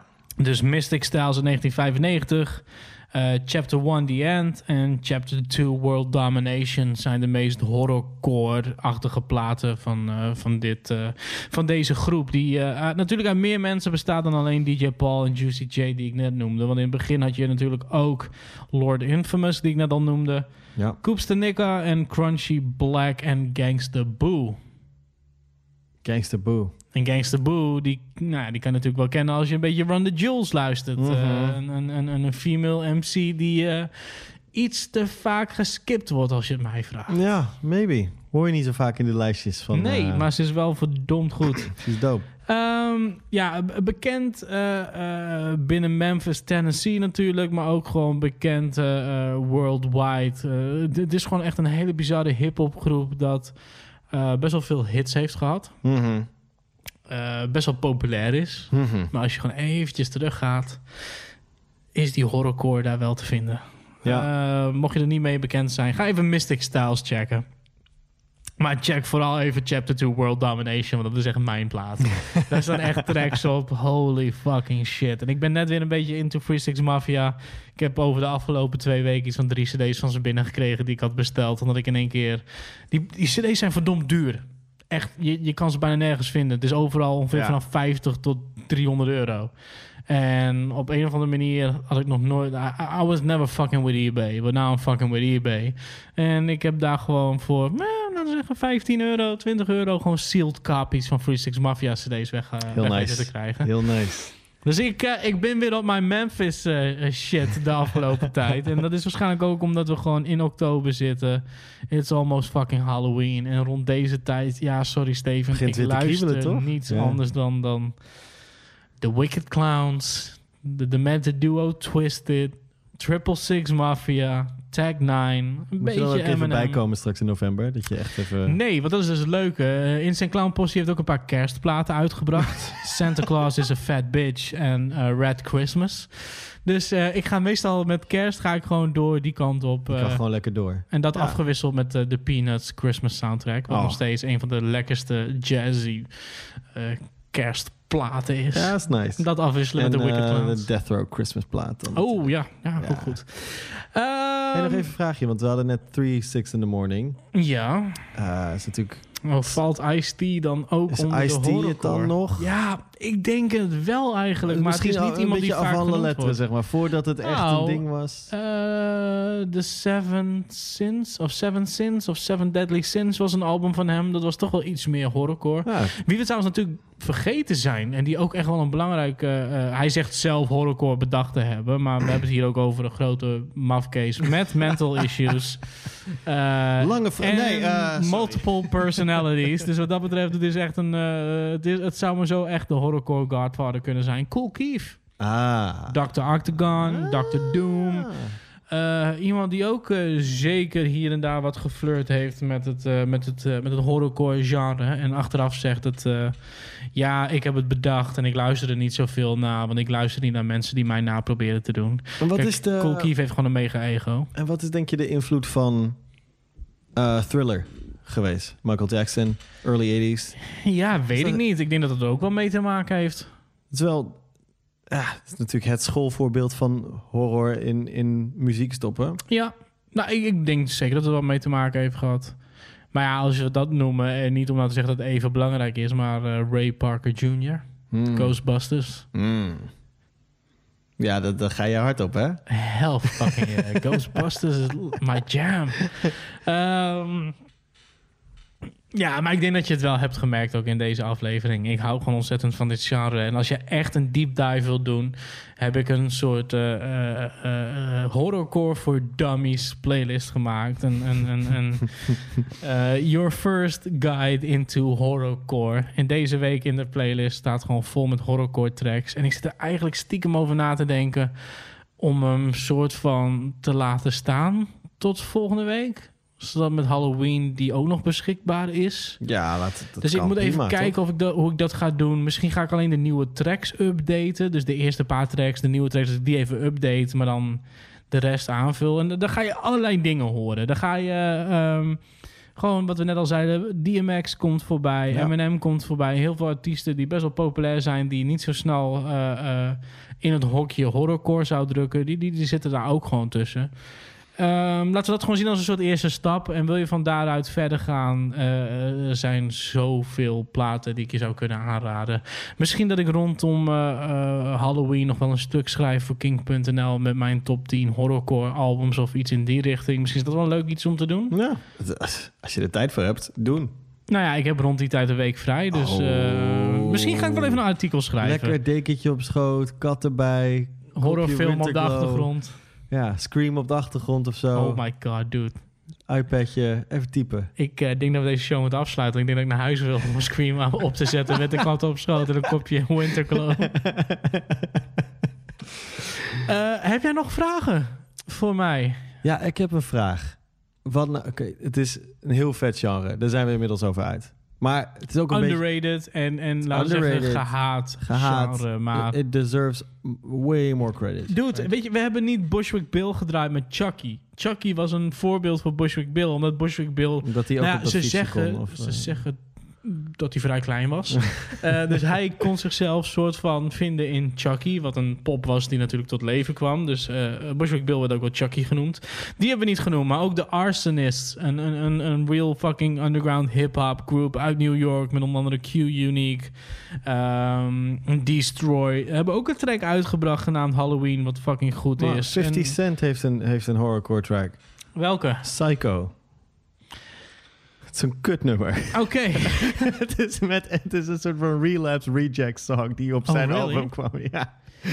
Wauw. Maar eh, trouwens nu, echt, jeetje, ik bedoel, ik- we zijn aan het afsluiten en het- mijn Kunnen belangrijkste niet, punt heb ik nog niet eens gemaakt. Oké, ga je gang. Ehm, Nou, dat Free Six Mafia best wel wat invloed heeft gehad op de hip-hop van nu. Mhm. En eh, eh, horrorcore als genre aan zich ook. Ehm, kijk, ehm, in deze tijd, een groep waar ik niet heel veel aandacht aan heb besteed, eh, zijn de Suicide Boys. Maar Suicide Boys zijn mad influenced bij Free Six Mafia. Ja. Zo erg dat ze zelfs gewoon samples van Free Six Mafia gebruiken in hun muziek. En zelfs aangeklaagd zijn door Free Six Mafia op een gegeven moment. Zo van, hey jongens, Jongens, prima dat jullie fanboys zijn, maar... beetje... Like, that's our shit. Like, pay for it. Uh, maar dat niet alleen. Uh, als we even gewoon echt teruggaan naar het begin van, de, van, van dit superteam. Art Future, Wolfgang, Kill Them All. Tyler, the Creator, was pretty fucking horrorcore aan het begin. Mhm. Earl Sweatshirt was pretty fucking horrorcore aan het begin. Yep. Daarnaast hebben we Denzel Curry, Flatbush Zombies, Space Ghost Perp. Um, Seeds, Seed of Six, wat bestaat uit de, de kids van een paar Triple Six Mafia leden. Maar ook uh, uh, XXX Tension, hoe spreek je dat uit? Tentation. Was ook iemand die best wel wat uh, met horrorcore te maken heeft. En Scarlord, wat je nu natuurlijk, wat nu best Oh, wel ja. populair is. Ja. Um, horrorcore um, has evolved as well. And is here to stay. And is here to stay. En um, ja, ik vind het toch wel mooi om te zien. Ja. Dat zo'n genre waarom ik vroeger uitgelachen werd... want het was toch eigenlijk gewoon fucking weird en childish en whatever... heeft best wel wat invloed gehad op de muziek van nu... maar ook een, een, iets waar ik nog nooit over na had gedacht... en waar we eigenlijk samen zijn we erop uitgekomen. Zo typisch begin-era hip-hop is. Verhalen Mm. vertellen. Ja, storytelling. Storytelling, that's what it's all about. En dat is misschien iets wat ik ook wel een beetje mis in hip-hop. Ja, het mag wel weer wat meer. Er is Ja. er nog wel. Mag nog e- ietsje meer. Run the Jewels had het ook weer heel goed dit jaar. Mhm. Gewoon hele verhalen over fucking cops outside. Nou Ja. goed. Word je ook in eh, meegesleept. Ja. En je hebt natuurlijk, hè, voordat mensen echt boos op mij worden... Frank, noem je Necro niet? Ja, je hebt ook nog Necro. Maar Necro is gewoon... Dus laten we zeggen, de, de, de cheap-ass amateur porn van horrorcore. En, en die heeft zijn eigen fanbase daarom. En dat snap ik ook wel. fanbase. Dat is ook zijn only fanbase. dat zijn zijn die-hard fans. Eh, ik heb nog wel een tijdje Necro geluisterd. Maar Necro is een goede producer. Dude cannot rap. Laat gewoon Necro weer produceren voor eh Ill Bill. En dan hebben we een soort van best of both worlds. Ehm, ja, tot dusver, tot zover onze, onze horrorcore special, Frank, mag, ik je mag ik je nog één ding vragen? Nog één ding en dan Het gaan we daarna gaan we Ja, eh, is- pompoenen uithollen. We gaan pumpkin carven. Het is een heel vet genre. Daar zijn we over uit. Maar je kan er wel een beetje in een donkere sfeer van komen, toch? Mhm. Wat voor liedjes draai jij om, eh, om weer vrolijk te worden? Na een lange sessie. Dude, we hebben de vorige show afgesloten met Halcyon en On en On van Orbital. Ik kan het niet maken om nog een aflevering af te sluiten met een jaren 90 house influence track, omdat het al twee dagen lang continu op mijn headphone staat. Maar, maar Frank, who's gonna stop you? Nou, ik had gewoon een heel plan met tracks waarmee we gingen gaan afsluiten. Oké, wil jij het verhaal vertellen of moet ik het vertellen? Want ik, ik, nou, ik- weet je, oké. Ehm, lieve luisteraar. Frank is een hele leuke jongen. Maar af Dank en je. toe raakt hij een beetje geobsedeerd door een willekeurig liedje. Zoals voorheen Michael McDonald met Oh Sweet Freedom, shine a light on me. Dat, dat- zijn Skype-foto is eh, niet een foto van zichzelf. Het is een, de profielfoto is een foto van Michael Eh, McDonald. Toen ik Jamie Madrox van Twisted ging interviewen, zag hij dus ook Michael McDonald. Even, dat, dat, dat overkomt hem af en toe. Ja. En zo was het onlangs, eh, een paar dagen geleden. En, oh, oh, en wat hij dan doet, is dan meteen heel eBay en Discogs leegkopen voor elke versie van dat specifieke De nummer. 7 inch is onderweg. Ja, nou, hij heeft, eh, ja, hij had er weer eentje. Eh Zweeds, groepje. Zweeds groepje 1993, Stakabo met Here We Go.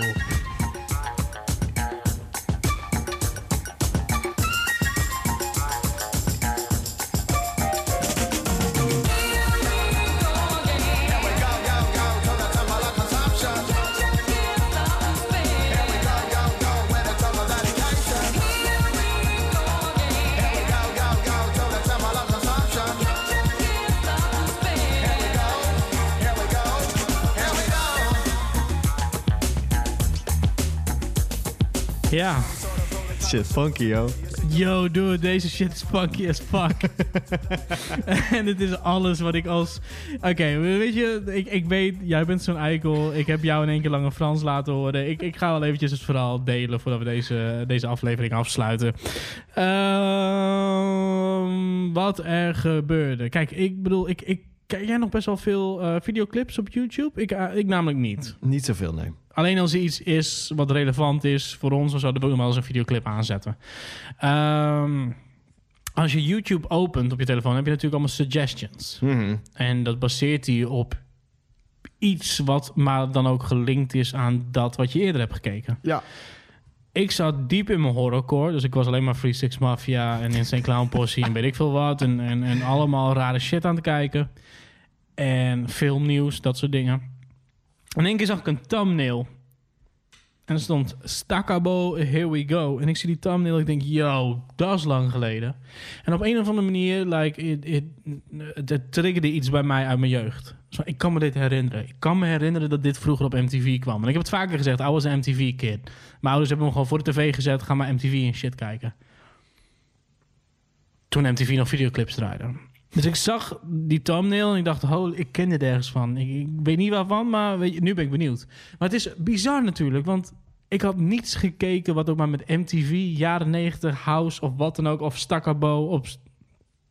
Ik had niets gekeken wat daarmee te maken had. Dat niet eens iets over eh, Zweden opgezocht of Niet zo. iets over Niks. Zweden, niet iets over 90s music, niets. Niks, noppes, nada. En één keer staat het erbij, ik druk op play en ik denk... Oh ja, wat een slechte videoclip. Ah, op zich wel grappig. Er staat een hele leuke meid in te dansen. En eh, eh, niet tegen mijn vriendin zeggen, gelukkig... eh, Spreek geen Nederlands. Spreek geen Nederlands, Ja, een so, I'm good. Maar er staat een leuke meid in te dansen en ik denk... "Ah, It's, it's funny, weet je. Ik kan me deze videoclip nog wel herinneren. Grappig. En de derde keer dat het refrein voorbij komt, merk ik gewoon dat ik met mijn voet op de grond zit te tikken. en dat mijn schouders niet meer zo recht staan als voorheen. En ik denk, damn, die shit is funky. En ik denk, weet je wat, nog, nog een keer. Dus toen die track af was, toen dacht jij... eh, Nog een keer. Here we go again. Here we go, go, go to the temple of consumption. Dus nog een keer aangezet en nog een keer aangezet en nog een keer aangezet en nog een keer aangezet en nog een keer aangezet. Toen Steven gebeld en gezegd, Steven, je moet nu een track aanzetten en ik wil dat je met mij video belt, zodat ik je reactie kan zien. Oh ja, dit doet hij ook al. Dit is altijd fase 2 van de obsessie. Ja. Inderdaad, dat hij mij belt en dat ik dan mee moet doen. Ja. Ja, en ja, sorry man, dit, dit inderdaad, als ik in een funk zit, of het nou een horrorcore funk is, of eh, eh, mijn werk was gewoon even zwaar, of, of ik ben moe, of wat dan ook. De afgelopen twee dagen, nu heb je wel echt iets van, wat doe je allemaal in twee dagen? dat je zo vaak in een funk zit. Met deze track, it gets me every time. Ik ben direct vrolijk, ik heb de biggest smile ever on my face. En eh, ja, Stakabo. Kan ik bevestigen. Ja. Here we go. Ehm, het kut is, deze moet ik nu dus ook weer in de playlist zetten. Net zoals vorige week met eh, Orbital. En ik wil geen hip-hop liefhebbers wegjagen van, eh, van de playlist. ja, dat is een soort van rap. Ehm, ja, tot dusver deze aflevering van Homebase. Ehm, ik zou zeggen, happy Halloween alvast. Ehm, ga horrorfilms kijken. Ehm, heb je tips nodig? Ik zou zeggen, de oorspronkelijke, de originele Halloween is altijd de moeite waard. Als ik het goed heb, 1978. In 2018 hebben ze wederom een Halloween uitgebracht die Halloween heet. Is een soort van vervolg wat de andere vervolgen negeert. Ehm, heet ook Halloween, dus als je hem gaat, eh, eh, als je hem illegaal gaat binnenhalen, zorg dat het wel de versie uit 1978 is. 78 is. Eh, zeker een aanrader. Eh Nightmare on Elm Street, altijd de moeite waard. De Scream films, Poltergeist, Evil Dead, House zijn op zich ook leuke films. Ehm, als je wat meer van de obscure slashers houdt, Tenebrae vind ik heel vet. Als je van obscure weirdness houdt en van de Insane Clown Posse zou ik zeggen Killer Clowns from Outer Space.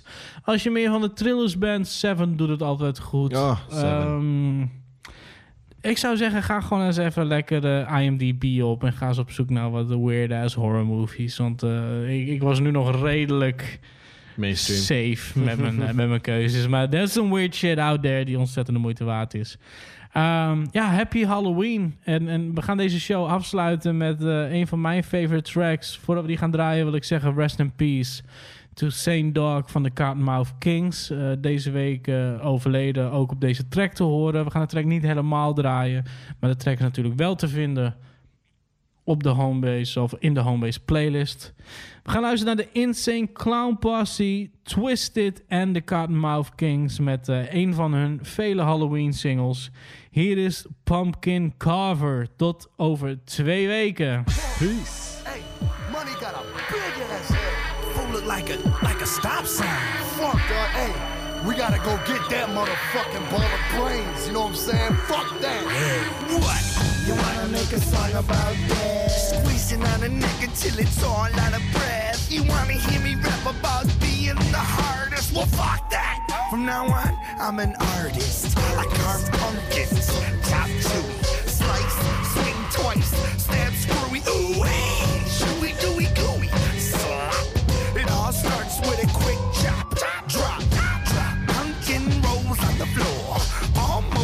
the front door. But we can't have that. Cut along the hairline, all cut. Hold the pumpkin between your legs and lift up. Boing, brains, snippity snip, all the veins, snip cut. What? What the matter? You don't wanna do it? Well, fuck it then, screw it. You'll never be a pumpkin carver. Carvers that be the